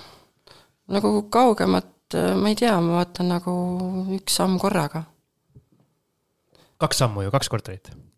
ei no üks aasta nagu, mul kukesammud on, vaata. praegust tempot vaadates, siis see läheb nagu ühe sammuna kirja. no ma küsin niipidi siis noh, näiteks, et kui, kui sa oled ühel hetkel jõudnud oma portfelliga sellisesse faasi, kus ma ei tea üüritulu on sama suur kui sinu igakuine sissetulek äh, poemüüjana, et äh, et kas see on kuidagi sinu jaoks mingi motivaator või sa teeksid oma tööd ikkagi edasi selleks, et portfelli veel kiiremini kasvatada, noh, mis iganes äh, need põhjused olla võivad, et ähm,? ma arvan, et see ähm, poemüüja töö on mul nagu äh, selline rohkem nagu selline kutsumuse asi, ma olen terve elu tahtnud poemüüjaks saada, külapoes. üliäge, noh. külapoes, ma olen nagu väga sihuke, väga madalate ambitsioonidega ja et ma, ma olen nagu terve elu, ma olen tahtnud äh, olla poemüüja külapoes. ja äh, mulle mu töö väga meeldib, olgugi et ma hetkel nüüd olen sunnitud äh, töölt eemal olema paar kuud. just sellesama ületöötamise tõttu, mida ma siin harrastasin suvel, eks ju aga, aga ma arvan, et see, see portfelli suurus äh, ei mängi nagu rolli, kuivõrd äh, selle palga suhtes, kuivõrd selles suhtes, et ma tahan, ma tahan, et mul oleks valikuvabadus, äh, valikuvõimalus, ma tahan olla sõltumatu ajast ja ruumist, ma tahan teha, mida ma ise tahan, ükskõik millal ma ise tahan. ja ma tahan, et ka minu lastel oleks see võimalus ja see on pigem see, mis mind nagu äh, sellel teel kuhugi poole tirib, eks ju. et ma tahangi, et mul oleks äh, igakuiselt äh, selline sissetulek, mis mul nagu võimaldaks selliselt elada. kumb sind rohkem motiveerib, kas see lõpptulemus või protsess ise? protsess. mul on hingelt sportlane, on protsess. no kõik, kõik tahavad ju medalid saada lõpuks, kui nad lähevad sportlased. ja tegelikult, aga kui sa seda medalit ka lõpuks ei saa, kui palju sa oled arenenud ja kasvanud läbi selle protsessi, eks ju. see on nagu seda, see on, see on nagu tagantjärgi tarkus. muidugi ma tahan, ma tahan, ma ei tea no,, mida ma tahan, kui ma ei tea nii palju numbreid, kui on ju. protsessi ei naudi, siis seda medalit nagunii ei tule. just, just, just. et sa pead seda teekonda ka nautima, et äh, muidu kui sa paned klapid peas, sul on mingi üks nagu see siht, on ju, et sa tahad, ma ei tea, sada korterit ja sest endast ei jää lõpuks midagi järgi, et et see ei ole nagu päris see eesmärk, mida ma taga ajan. kuna sa oled meie podcast'i nii-öelda kõva kuulaja olnud, siis eh, milline su lemmikosa on, esiteks, ja teiseks, eh, millal eh, sa arvasid, et me su külla siis lõpuks kutsume? Äh, no lemmikosa on see vihakõne osa, mis minu nagu, minu jaoks oli trigger point. et see nagu viiskümmend üheksa vist oli või? viiskümmend kolm äkki? Viiskümmend üheksa. kui panete otsingusse vihakõne, siis ta tuleb välja. aga külalistest, kes sulle kõige rohkem eh, muljet on avaldanud? no ma ei tea, mulle ikka naerda meeldib, mulle see Li- Liina Pulgas on hiljutine, neid osi on kindlasti veel olnud, aga nad kuidagi vaata, see oli üks meeleolukamaid saateid mingi värskem asi tuleb peale, siis see vana kuidagi vajub unustusse, aga see oli äge. saade viiskümmend üheksa, Siim, jah Okei. vihakõne hoiatus. et see oli meil minu meelest kusjuures veel selline osa, kus meil ei, kas jäi keegi tulemata või mingi jama oli ja me pidime Jah. nagu, nagu pastakast midagi välja imema. aga ta oli jah, ta oli nagu minu jaoks sel hetkel võib-olla oligi see nagu ajaliselt ka kõige nagu õigemal ajal, ma, mina nagu kuulasin seda osa, et ta võib-olla sellepärast mulle niiviisi mõjus. Okei okay,, ja see küsimuse teine osa, et millal sa ise lootsid siia mikrofoni taha jõuda oi issand, ma lootsin, ma ei lootnud, ma sain aru ammu., ma sain aru, kui Siim hakkas nilnima, siis ma mingil ajal sain aru, et mul ei ole pääsu, ma võin natuke aega püüda joosta, aga lõpuks ma nagu pean minema. sest et ma kogu aeg talt küsin ja ta on mind nii palju aidanud ja mul see tänuvõlg juba vaata. targem on ära käia, vaata, et siis jäetakse rahule, noh. jah, aga kui ma sain vist selle teise korteri nagu lõpuni tehtud, siis mul nagu olin juba natukene seda julgust saanud, et et, et ju ma siis ikka midagi olen natuke osanud teha ka. minu arust üliinspireeriv äh, kogu see lugu, nii et, et mina ootasin huviga seda ja ütlen nii, et meil tuleb ilmselt täna üks rekordsaade jälle siin pikkuse mõistes, aga, aga see aeg on niimoodi lennanud, et ei pane, ei ole tähelegi pannud. aga võib-olla siis lõpetuseks ikka klassika jälle. Et äh, mis need peamised õppetunnid sinu oma teekonnal on, mida sa tahaksid siis teistele eraldi välja inimene on äh, tund kolmkümmend kaheksa ainult õppetundidest rääkinud. jah, aga, aga, aga, aga mis su enda jaoks võib-olla kõige sellised olulisemad on, kui sa selle teekonnale tagasi mõtled, mida, mida, mis on need ämbrid võib-olla, mida teised siis äh, kolistamata võiksid jätta? ma ei tea, kui sa nüüd tähelepanelikult kuulasid, ega mul nagu ämbrid ei ole olnud siiani. Noh, neli kuud korter oli tühja, no okei okay,, selles mõttes see ei olnud ämber, see oli teadlik valik see on, see on ja sama koroona nagu, kui sa müüd mingit või korterit, sa ka ei leia neli kuud üürnikut, seal ei ole nagu vahet, see oli mu teadlik valik, ma et küsin on siis teistpidi, et kas, kui sa tagasi mõtled, kas oleks midagi teistmoodi teinud nende teadmiste juures, mis sul on täna, kui sul oleks need olnud siis, kui sa alustasid? Ähm, kui ma oleks midagi teistmoodi teinud, siis mul võib-olla neid teadmisi ei oleks nii palju täna. päris hea vastus. ma tahan sind aidata su küsimusega, aga ma äh,, õppetunnid, mu pigem, pigem äh, mõtlen, kuidas, pigem ma räägin, tähendab, oota, mõtlen, ma hakkan puterdama ka, on ju. Äh, pigem olen ise seda meelt, et kui sa tahad, sa hakka pihta. et sul ei pea olema mingeid teadmisi, teadmised tulevad töö käigus. Tee endale mingi plaan mm, plaanist, mis veel olulisem, on tagavaraplaan, kui sa tõesti plaanid hakata näiteks laenuga ostma endale esimest üürikorterit. et sel puhul mina arvan, et äh, plaanist olulisem on tagavaraplaan, et mis juhtub, kui. kui sa ühel hetkel otsustad, et sulle ei meeldi, sa ei taha või midagi muud juhtub, et äh, hakka pihta, et äh, ära anna nende, nendele hirmudele voli, eks ju, et need hirmud ei tea tegelikult, milleks sa võimeline oled no kõigil on need pinisejad ju kõrval. ja ära kuula neid pinisejaid. pane kas või üksi edasi, aga ära kuula neid pinisejaid. sa ei ole nagu sunnitud mitte kellegagi suhtlema või kindlasti ümbritsema ennast kas või lapsepõlvesõpradest, kui sa näed, et nad sind pidurdavad. kui tema tahab paigal seista terve elu, las ta seisab. või siis kirjuta Siimule ja küsi abi. jaa, või kirjuta, just, kirjuta Siimule. vaata, kui osavalt praegu äh, inimene vastas kaks küsimust ära, nii et ma seda ta viimast küsimust ei saagi, ta teab neid kahte lõpuküsimust ja ta vastas viimase küsimuse niimoodi ära, et, et, äh, et rohkem ei olegi vaja midagi küsida. jah. suur-suur tänu. jaa, aitäh. ja ma usun, et äh, ma olen, mitte ma ei usu, vaid ma olen kindel, et üliinspireeriv just sellistele alustajatele see osa saab olema? Ma loodan küll, mu see eesmärk nagu oligi mitte tulla siia mingi show off ima, on ju, eks ju. mitte tarka panema, nagu meil kõik külalised. no veits panin ikka, on ju, mulle meeldib, ma ei saa sinna midagi parata. aga päriselt, et ise hinda oma riske ja hakka pihta kusagilt.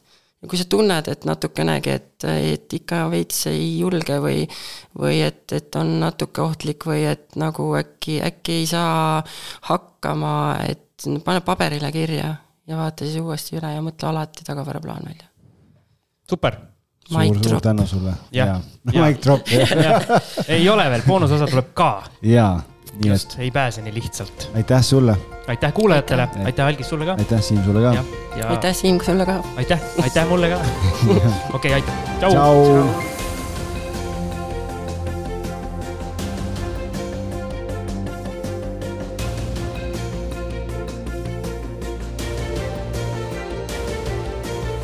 Kinnisvarainvestoritele loodud kinnisvarabüroo, aitame sind alates esimesest sammust kuni lõpptulemuseni välja. vaata lähemalt www.onestate.ee